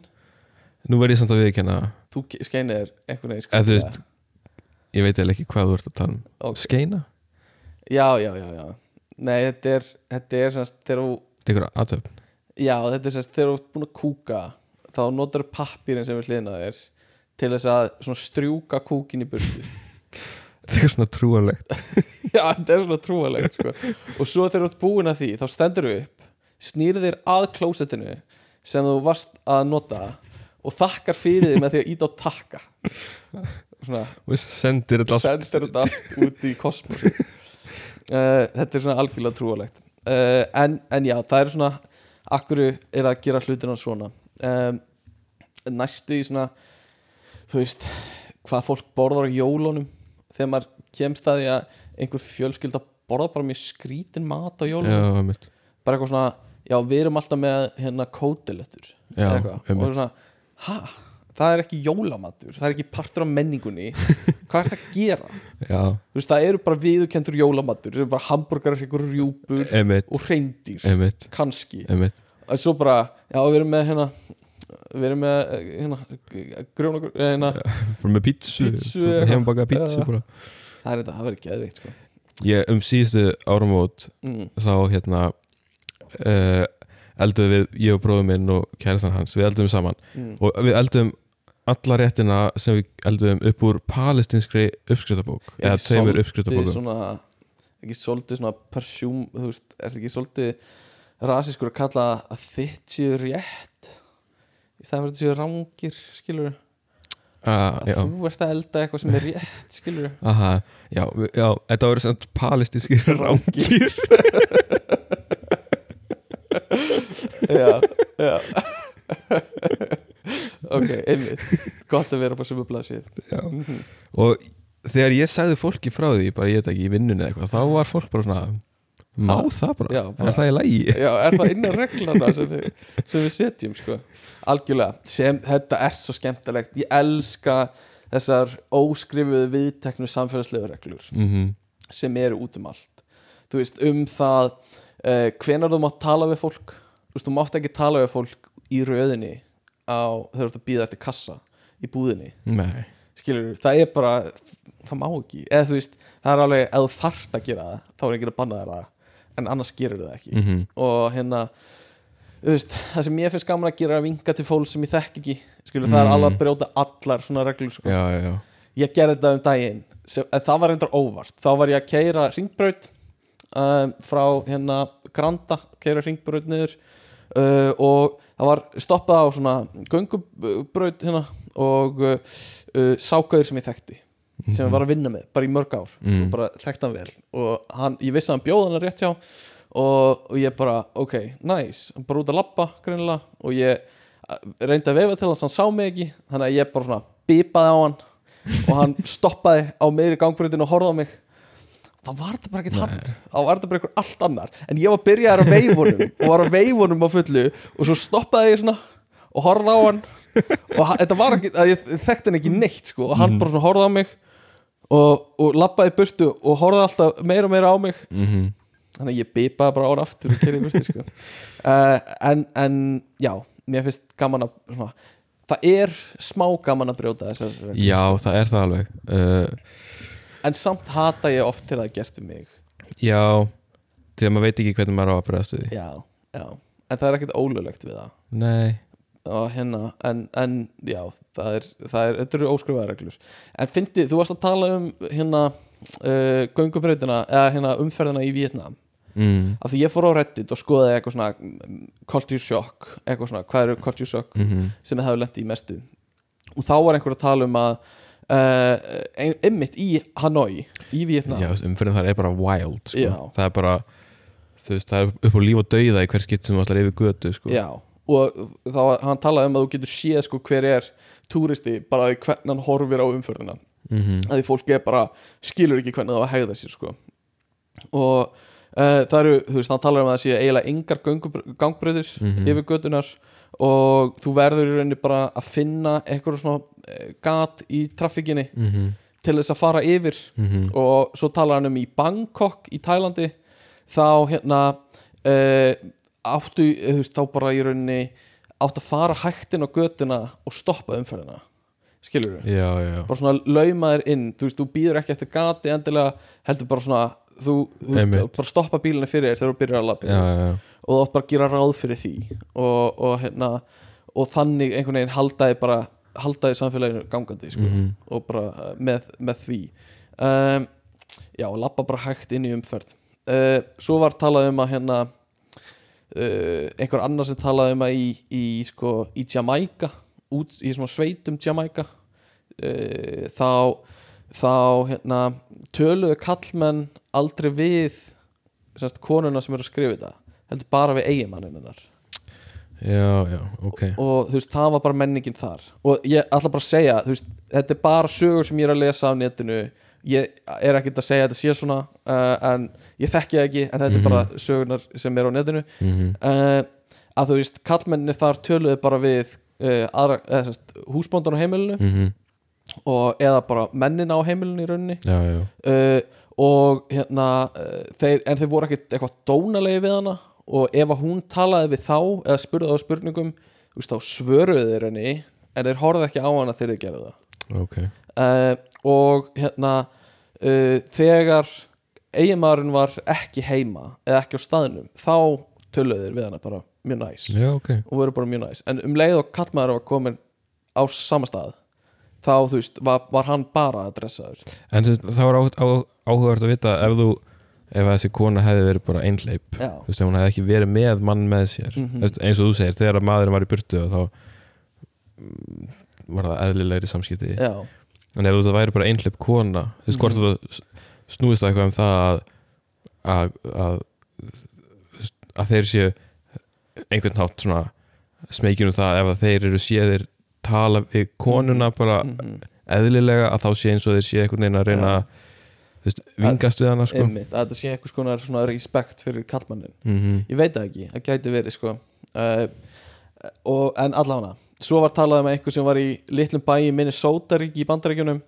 Þá var svona hérna bjalla sem heitir klaxon Mm. sem er klaxon er bjalla eða svona flauta. Svona já, sem, var, sem er á bílum oft í gamla daga sem var svona Mhm. lúður sem var pumpaðir ah, og hljóma svona unga, unga eitthvað svona. Mjög skemmtilegt hljóð. En að, að talaði um að þetta fær í gang uh, á hverju kvöldi bara yfir allan bæinn. Ok. Og hérna og þetta hefði hrætt hana mikið fyrst þegar hann held að hún væri stödd í einhver svona Silent Hill dóti mm það sem er bara einhver svona smábær sem er vel fucked up. En þá kemur ljósa að hérna, þetta er á mörgum stöðum í bandaríkjunum eru svona bjöllur í gang fara í, í gang í kringum sex eða, eða morgunin líka eða hádeginu til að láta bændurnar sem vinna úti vita að þú veist komið tími til að stoppa eða tími til að fara í hádegismat. Mm. Þetta er svona eins og það væri hérna bara yfir allt höfuborgarsveið eða Garðabæ eða eitthvað bara, bara svona skólabjöllu sem ringja fólk inn og út úr þú veist hátegismat Já, eða já. eða eitthvað. Þannig að mér fannst það mér fannst það mjög skemmtilegt. Uh, og uh, og svo var einhver sem var að tala um að, að hérna, hún var að byrja að kenna í söðu Karolínu í hérna í bandarækjunum og hún var frá öðrum stað í bandarækjunum og var ekki vön söður karolínskri menningu. Og þá settist hún niður til að borða hádegismat inn í skólastofunni Mhm. bara í hádeginu og, og ætlaði að borða næstu sitt og, og tók eftir því að allir aðrir sem voru í skólastofunni þau byðu bara eftir byðu eftir henni og voru ekki byrjaðir að borða og þá voru allir að býða eftir að, að hérna, það voru sagði bæn Mm. borðbæn. Bara í hádegin í skólanum. Já, allir saman að hérna, þú veist, taka hendur og þetta er eitthvað sem er alls ekki á Íslandi. Nei. Ég hef aldrei í séð þetta allavega á Íslandi sko. að hérna að byggja einhverjum svona borðbæn saman. Kannski, Líka einhverju vinnusta já, líka á vinnusta eða bara hvar sem þú ert sko. Kannski í þú veist hérna á einhverjum hátilegum tilefnum með eitthvað verður þetta gert einhver staðar á einhverjum heimilum Já, að þú veist þakka fyrir eða eitthvað já ég kannski, þú veist, á á nú byrjar að borða á aðfangdagskvöldi eða eitthvað já. uh, en þarna ef maður hefur séð þetta náttúrulega í bíómyndum er þetta oft gert sko. um, svo Heldur að, heldur að í svona ef þú ferði í flug frá þessum stað og, og allir búin að fá matið sinni í flugfélinni, Mm. Og þá, þá þarf samt að byrja því að fara með að, hérna, yfir flugfræðan fyrir með já, í kallkerfinu. Örglega sko, nei ég veit það ekki. Uh, svo talaðum í Búlgaríu þá hérna, þegar þú hristir hausinn til að segja nei, þá í raunin að segja já. Og þegar þú svona Mm. fer upp og niður með hausinn þá ertu að segja já en ekki nei. Eða sérst Mhm. öfugt við það sem mhm. við gerum sko. Mhm. uh, og þetta sé, já, það hefur verið tekið tíma og einhver talar um að í Indlandi þá er, er með svona ákveði headbob sem er ekki eins og við hristum hausinn Mhm. eða ekki eins og við segjum já heldur meira svona hérna, einhvern veginn svona til hliðar Mhm. uh, á, já, svona, svona, ég veit ekki hvernig maður lýsir þessu maður er alveg, ef maður hefur séð veist, Bollywood myndir Mhm. eða eitthvað svona Mhm. þá hefur maður séð þetta held ég já, þetta er svona einhvern veginn, já, snúa hausnum aðeins öðruvísi Mhm. Og að þetta geti þýtt bara allt á melli þessu jarðar. Og, og að fólki sem býr og notar þetta skilur hvað er verið að meina. Já, kannski svo smá jæja er notað á íslensku. Já, já. Uh, en þú veist þetta getur þýtt já stundum nei, stundum þýðir þetta bara ég er ekki með nógar upplýsingar til að gefa þér svar við þessari spurningu. Eitthvað svona, bara ég veit það ekki eitthvað, bara þetta getur þýtt bara hvað sem er sko. Og fólki sem, sem býðana þekkir það sko um, síðasta sem ég langaði að tala um tengt þessu var bara uh, hérna tengt United Arabic Emirates mm. eða Abu Dhabi eða Dubai að uh, bara allt það. Mm að það er mjög algengt að bara kallmenn haldist í hendur já, einmitt. og eru bara að labba saman úti og haldast Já. í hendur. Bara svona bromance bara svona, að, þú veist bara vinir, bara eins og Já, við hefum gert já, þetta áðan. Þegar við vorum bara, þú veist já, í rauninni þessum- ekki bromance þetta er bara, vi, þú ert bara vinur já, bara vinur, ekkert ekkert róma, þú veist, Nei, nei, nei. algjörlega platonist einmitt, en bara haldast í hendur og leiðast. Mér finnst það svolítið fallegt. Já. Svona einhvers konar nánd við þetta. Mm um, ég ætti sennilega ég veit það ekki. Í, sko í fyrsta lagi vil bara taka fram mér finnst óþægilegt að haldast í hendur þegar ég er að labba já, þú ert náttúrulega líka með sveitt að lofa já, já, já, eða mér finnst mjög næs að leiðast og Já. leiði kæristinu mína. Já, en þegar ég er að labba finnst mér bara þú veist, vil ég bara hafa hendunum mína frjálsar. Já, já, já, veit ekki hvað það er. Já. það er bara eitthvað við það. En þú veist ef við stöndum kjur eða sitjum með eitthvað svona finnst mér bara mjög fínt sko. Mm en ekki eitthvað þegar við erum að labba. En burt ég frá því, ég veit ekki hvort ég myndi gera þetta með vinnum mínum að leiðast ég myndi alveg gera ég myndi alveg gera, þú veist, einhvern tímann. En ég myndi ekki held ég gera það venju. Vegna þess að það er ekki hluti af þinni menningu. Já, sennilega. Veit ekki. Svo segja ég á sama stað hana í Dubai og Abu Dhabi eru, eru falcons eða fálkar mjög stór bara hlutur. Mm. og þú getur tekið fálkaðin með þér í flugvél að þú kaupir miða fyrir hann. Hann situr bara í sætinu. Já, bara í búri eða ég veit ekki hvað og, og fálkin hefur sitt eigið hérna vegabrif þetta er bara eitthvað svona mjög stór hlutur í lífinu þeirra. Eru fálkar? Já, eins og, já, verðist vera. Um, og það eru ákveð, ákveðið fólk sem bara ef þú bara nærð ækontakti við það þá geta þau sendið í fangelsi bara umsvegalust bara sumir sem mátt ekki horfa í augun á. Mm. aftur, veit hva- hversu rétt þetta er en þetta er það sem þetta fólk er að segja á einmitt uh, að bara, það eru, já, ákveðið fólk sem bara mátt ekki horfa í augun á. Uh, og að fólk notar lítið heimilisfeng eða adressur. Það er meira bara eitthvað svona eða þú ert að panta pítsu eða eitthvað þá bara segiru, já, ég er í hérna tveimur byggingum frá þessari til vinstri. Já. eða stóru byggingunni eða eitthvað. Og bara lýsir meira hvar þú ert. Sem er kannski einfaldara einhverju leiti, ég veit ekki. Gæti verið, en það væri svolítið eins og ég var að panta pítsu og það var eitthvað svona, veistu hver Grímsbær er? Mm Þú veist, þú ferð einum lengra að þú ert að koma frá kringlega, eitthvað svona blá, já, já, já. Veit ekki, getur verið. En svo því líka, hversu, já, hversu la- langt þú ert að fara. Já, kannski. Uh, síðasta er bara líka að uh, Burj Khalifa eða stærsta byggingi heimi er svona eins og Tower of Mordor yfir öllu. Það er ó, svona, svona vofir yfir öllum hana. Já, já, um, annars var ég ekki með mikið sko, meira tengt þessu. Um, já hvað, ef að við erum nú komið ágættan þátt sko, ég veit ekki hvað við erum að fara mikið lengra?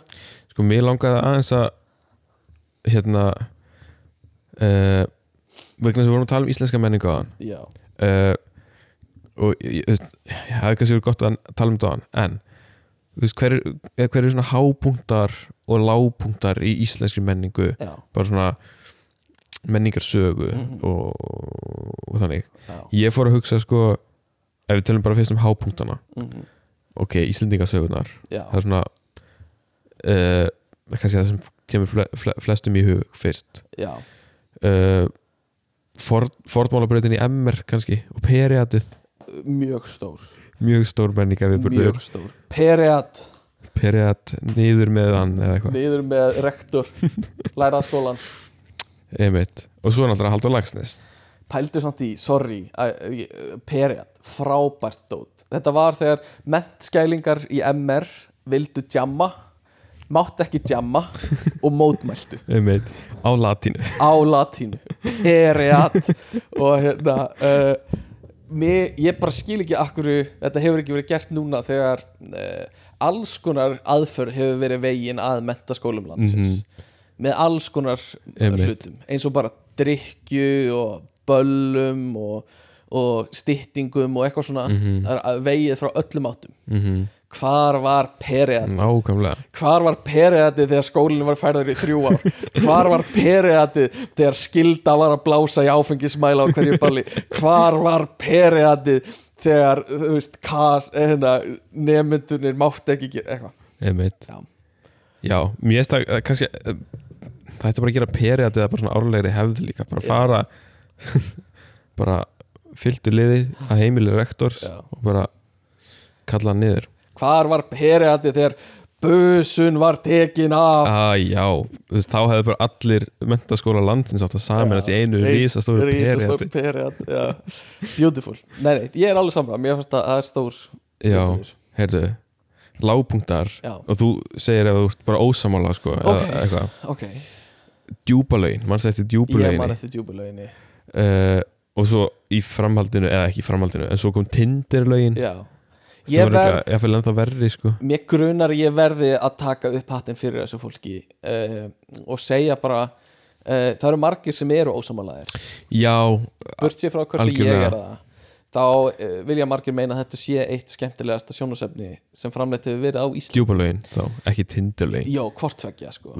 Og hérna, hvaða er gaman að horfa á þetta sko?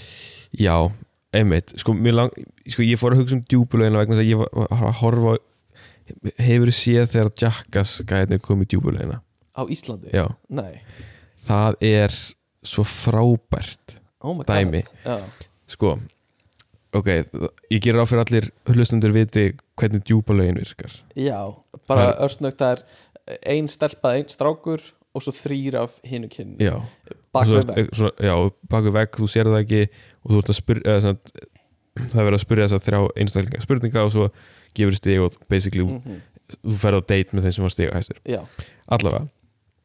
Og þetta voru þessi þættir, ég man ekki nákvæmlega hvernig það voru örgulega svona kringum 2000 Já. eða eitthvað svoleiðis. Og einhvern tímann voru Jackass gæjarnir á Íslandi Já. að taka upp eitthvað dót. Já. og þrýr þeirra komu í djúbulegina ok. Og það var Ryan Dunn uh, Bam Margera og Og Steve Steve-O. þetta var Wild Boys sem voru að taka upp sem er svipaðar þættir Já, og já, já, allavega, en einmitt. skiptir ekki máli. allavega ok, þeir komu Mhm. og þeir voru augljóslega svo hæ og fullir, fullir Já, bara í rugglinu í þættinum já, uh, þeir voru, þú veist, þeir vissi ekkert hvað er í gangi og þetta er á YouTube, ég bara mælu með að allir kíkja á þetta já, því að þetta er uh, bara svo frá, þetta er bara menningaviðburður sko aldarinnar eða eitthvað hvað heitir þetta á YouTube? bara jackass í djúbulauginni Jackass í djúbuleginu og þeir sko, maður sá í, þú veist, þegar að kinnarnir eru að, eru, bara, eru að byrja þáttinn, þú veist, þeir greinilega vissu ok, þeir eru bara út úr heiminum. Og, og þeir eru að fara að vera með eitthvað ógíslega mikið við þessinn og oh, maður sá svona einhvern veginn á kinnunum hvað þeir voru svolítið stressaðir að fara að byrja þetta. En, all, en þú veist, fóru í svona í gegnum með það. Veitu, er þetta Jörundur Ragnarsson sem er kynnir? ég veit það ekki alveg. N Nei, hann Ég er ekki, sko. ógeðslega ég líkur Íslensku kynnirinn á þessum þáttum God. Og hérna, og þeir eru þarna í ruglinu að svara þessum spurningum og það er bara svona tvær eitthvað svona super saklausar stelpur. Aha. það eru tvær saman að- spurja uh, og þeir eru bara að svara bara einhverju algjöru greið Uh, Helga hérna- 21 árs og eitthvað. Og, og hérna e, og í ein- eitt skiptið þá svona eins, eins og er alltaf svona þeir voru látnir smakka eitthvað svona íslenskan mat. Mm og það, það voru, það kom bara þeir voru bara sett sviðakjamar Mm. á borðið fyrir fram á þá -hmm. og þú veist, þeir smakkaði ekki en bam, hann bara ælir á diskin Oh bara, veist, og hann er ekkert að fela það Já. hann bara, þú veist eh, það er bara svo hræðir að horfa á það Oh my god, ég er bara í sjokki sko, Ég þarf að fara að horfa á Þetta- en það er, en það er svo æðislegt að horfa á þetta uh, því að þú veist líka áhörfundinir fyrst eru bara svona wúhú, jackass já. og svo bara svona þegar líður á þá bara eru allir bara hvað er í gangi hérna. Ég hef líka frábært sko Gaurin sem upplóta þessu YouTube heitir Særingamadurinn já, einmitt S Já, og hérna, en eitt sko hérna, ég var að segja að þetta veri svona lágmenning, Mm. eða nei, svona, eitt af lágpunktum Mhm. hérna íslenskra menningar en á sama tíma einn af hápunktum vegna þess að sá sem að gerði íslenska textan við hennar þátt Já, er einhver bara það er þjóðskáld ætti að vera. Já, því að hérna þe- þeir eru að segja alls konar bara mjög dónalega Mhm. hluti. Og ég veit ekki, kannski voru reglurnar bara veginn þannig að þú mátti bara ekkert vera að skrifa svona hluti Já. í textan þannig að það er einhvern veginn farið óslega mikið fram hjá því. Ok. Uh, og hérna, þú veist, e eitthvað af því sem er að segja er eitthvað svona uh, hérna þú veist, Steve-O mjög slæmur með þetta. Já. og, þeir allir, en þeir allir að, að, mjög oft að tala um eitthvað svona fucking a faggot in the ass Oh eitthvað svona God. þannig orðbræð og þá er sá sem er að þýða, hann skrifa bara eitthvað svona uh, eitthvað, ég átti ástarfund með einhyrningi í tungsljósinu eða eitthvað svona, bara eitthvað bull sko. Ok. Uh, Shit bara svona, og bara mjög þú veist, ég bara mælum með allir horfa á þetta og lesi textan mjög vandlega.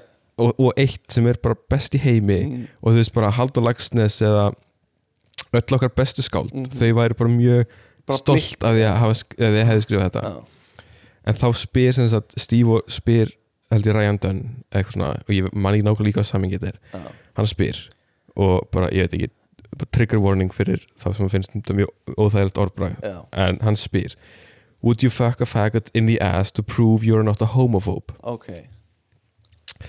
Og þýðingin sem kemur, Já. textin sem kemur er Myndir þau láta þýða hljóma, líða þér um þjó til að sanna að þú eigi af þjófælinni þjóðist? Þetta er ljóðræð Ég veit það Þetta er bara svona, þú veist, hvað? Ha? Þetta er brillja Okkur vantar þetta. Þetta er svo frábært. En það er líka svo óþært vegna þess að Þú veist, þe- ok, þegar maður heyrir ennsku Já, og les íslenskan text þetta þá þú veist, maður heyrir alltaf Mhm. þú veist, ok, na, ok, þetta er rétti textin, Mhm, mhm. en svo heyrir maður eitt og les bara eitthvað Já, allt allt annað og maður bara byrja, ha, Einmitt, einmitt. Þetta var ekki það sem Já. það sagði. Nennir að lesa þetta einu sinni enn íslensku. Myndir þú láta þýða hljóma líða þér um þjó til að sanna að þú eigi af þjófælinni þjáðist? Þetta er beautiful. Og þarna er náttúrulega, þú veist, þjór er rass. Já, þannig að þjófælinni er, þú veist, rassa rassafælinni Já, já. þú veist. Og þýða hljóma líða þér um þjó Þetta er beautiful. Þetta er svo- Þetta er svo ljóðrænt. Ég veit Þetta er það. indislegt og það er, svo, það er meira af þessu sko, hérna. Vá. Bara ástarfundir í tungsljósi. Mm. Ég er bara, Bara- bara, mjög impressed sko. hérna, Vá, þetta er geðveikt sko. Ég er að skróla líka Ég, bara, ég ætla að horfa á þetta eftir sko. Já, Þetta er algjör snill hérna uh, já. Bara kíkið á þetta. Já.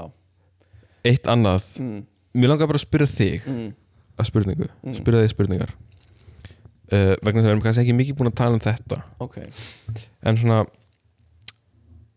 hvar á skalanum myndir þú staðsetja þig mm. á skalanum sko frá til að vera algjör svona lágmenningar plebbi Já, já, já, já, já. sem að þú veist, þú lest bara lífið á vísi mm -hmm.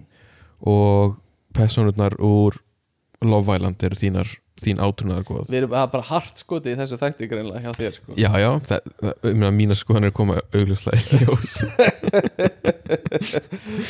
Uh, nei, nei, sko lágmenning má alveg Hún er á, alveg rétt á sér. Lámenninga menning. En lágmenning er lágmenning og ég held að þú veist fólk verður bara þú veist, sætta sig við það að lágmenningin er lágmenning en þú veist, lágmenningin þýðir ekkit endilega hún sé verri menning. Ok, nei, nei, nei, ekkit endilega. Nei, nei, nei. En hún er bara lægri og horfur upp. Já, Og meðan hámenningirinn er hátt upp já, já, einmitt, einmitt. Einmitt.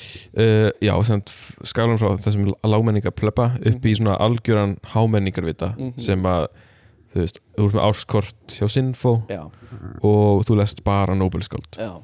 Ég er mjög bara boring svar sko. Ég er einhvers þar hann á milli Ég hef ekkert rosa gaman af Því sem þú skilgreinir sem lámenningu sko. Nei, Því sem uh, þú vilt meina að sé hið versta form menningar. Uh, uh, Ég hef ekkert rosa gaman því eins og svona raunveruleika þættir og eitthvað ég bara tengi ekki við það. Og ég er alls ekki í, á hinum pólunum heldur sko. nei, ég á ekki kort í Sinfo ég veit hvenar hlutir eru leiðilegir og hérna já, og vil ekki taka þátt í þeim. Mm eins og hérna þegar þú, þú færst á Sinfo Já, og eitthvað og auðvitað ekki óperuna eða eitthvað og hefur gaman af. Mm uh, ég bara, mér finnst það líka oft leiðilegt sko. -hmm. uh, veit Það er bara bara eitthvað sem þú kannt ekki að meta. Mm, já já, satt, er ekki með þennan fáa húmor. Já, en uh, ég veit ekki, ég er einhver starf hann í miðjunni sko. Mhm. hef gaman af góðum góðu cinema, mm get hort á leiðilega myndir og notið þeirra sko. uh, bara viðkynna það. En, en, Ertu mikið að horfa á svona arthouse myndir? stundum, já, Já. En ég þarf ofta að mana mig upp í það.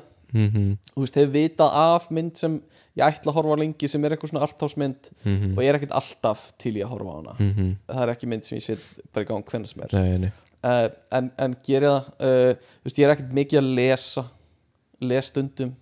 Um, þú veist, núna já, ef ég les þá les ég oft ég, ég var alltaf að lesa skáldsögur me- meira þegar ég var yngri mm. um, hef gaman af þeim en þú veist, núna uh, er ég kannski í einhverjum öðrum bókmyndum Mm uh, en les ekki mikið, horfi meira á YouTube myndbönd sem er örgulega lámenning mm. Já, algjörlega sko en ég horfi á samt hámenningar myndbönd á YouTube mm. Þú horfur á upptökur á Sinfo já, já, já, já, já, á tveir og hálfum hraða eða tvöföldur hraða eða eitthvað. Það að taka Sinfoinu einn já, hraðar. bara mót meðtakana Eða ég get bara til að geta tekið inn fleiri Sinfoni já, já, auðvitað, til þess sko. Og hérna, þannig að að ég veit það ekki, ég held ég sé kannski næri lámenningunni sko. Ok. Já, það er svona það sem mig grunaði. Sennilega sko, þú veist, hef alveg allt í lagi gaman, gaman að því að fara á fína veitingastæði en fíla múla kaffi Já, já þessari spurning var ég bara að svara strax í upphafi sko. þáttar. Já, uh, ég held að það lýsi bara freka vel sko. Aha. um, en hvað, þú veist ég hef samt alveg gaman að í stundum að klæða mig upp og fara í einhverja leðilega leikúsýningu eða eitthvað Mhm. ég var á Shakespeare núna í gær Já, hún var fín, ekki Macbeth heldur gamanleik sem Shakespeare skrifaði Ó. hún var fín uh, Svona lágmenningar Shakespeare já, Svolítið. þetta var bara algjörlega lámenninga Shakespeare sko. Þetta er hvað sem þið viljið hún er bara mjög, bara solid sko. Já. Eh, þannig að, já, ég er kannski svona nær lámenningunni sko. Já. og bara bara embracea það sko. Bara faðma það bara tek vel utan um það sko. frábært og vil ekkit vera eitthvað svona nýjufötin keisarans hámenningagur sko. Nei, eins og svo margir eru já, já, eins og Guðmundur vinnu minn hann vill ekkert heitara heldur en að vera hámenningagur sko. En er bara FIFA plebbi sko. þú ert nærði að vera veist, að njóta þess svona meira í alvörunni, að hlusta á sinfó og eitthvað svona. Mm uh, og gera eitthvað sem er leðilegt, skilur -hmm. uh, þú ert svona nærði sko. gera eitthvað leðilegt og hafa gaman að því. Já, já, já, er, ég hugsa að við lykillinn. séum alveg sko, við erum svipuð megin við miðjuna já, við sitt hver áttina. ég hugsa það sko Þannig að, hérna, og fólk heyri það alveg þú ert alveg svona aðeins meira svona snopp heldur en ég sko. Ég er Já, já. maður Já, veist, ég, ég veit ekki, þú veist, það er kannski alltaf lægi að nefna en þú veist, ég ég var alveg með ágæti sengun já, í MR. í MR ekki ég sko. Nei, ég tók þetta félagslífinu. En var ekki að drekka Nei, ég er ekki alveg það að láta að ég var að drekka og tjamma rosa mikið í MR En, En- ég var heldur ekki dúks, þannig að ég er ekki alveg þar sko. nei, nei, nei, nei. ég myndi eiginlega segja þetta svona grein, greininginu okkur þú ert svona venjulegu millistjórnandi í fyrirtæki mm en ég er sko hérna kongur uh, vinnandi fólks Já, í já, já. fyrirtækinu Einmitt bara hérna ég er uh, hrókur alls fagnaðar á kaffistofunni á meðan þú ert bara eitthvað peð hjá millistjórnanda kaffistofunni sko. mm, Ok, þú ert í rauninni gæinn sem heldur öllu gangandi í fyrirtækinu. Já, Þú já, gerir já. allt ég ger allt já, já, Já, já, ég myndi alveg segja það sko. já, ég get alveg tekið undir það. Já, uh, ég held að þetta sé bara fínt að enda þetta á þessum nótum. Uh, menningaþáttur sem fór aðeins úr böndunum var ekki drosa fókuseraður og uh, mikið blaður uh, en kannski hefur einhver ennst uh, allarleið hingað og nennir að hlusta á okkur. Uh, við greindum að rauðindagsdag er bara vatn uh, Mhm. menningalegt og gott. Munnvatn. Íslenskt munnvatn sem við deilum hérna á milli hvers annars. Ég og Björki gerum það reglulega, við rækjum í glös og svo drekkum við munnvatni hjá okkur. Uh, en höldust aldrei í hendur, það myndum við aldrei gera. Um, en hérna já, íslenskt munnvatn og uh, styrtar alveg þáttarins í dag eru kleinur. Get that kleina in my mouth kleiners. The Icelandic Kleiner. The Icelandic kleiners coming this fall. Eitthvað svona Aha, Aha. Um, þannig að ég held að um, okkur sé ekkert að vandbúnaði heldur en að segja bara hafið þið samband ekkert að frétta at gmail.com eða ekkert frétta á Instagram. Senda okkur post, uh, hafið þið samband senda okkur hugmyndir að einhverju til að tala um. Takk fyrir að uh, segja vinum eitthvað frá podcastinu, takk fyrir að uh, segja hvað er gaman að hlusta á þetta. Takk fyrir að læka og gefa okkur fimm stjórnur öllum podcastmiðlum. Takk fyrir að vera indislega og takk fyrir að hlusta. Eitthvað sem þú vilt bæta við Björgun? bara áfram miðlakastu já. Bye. Bless.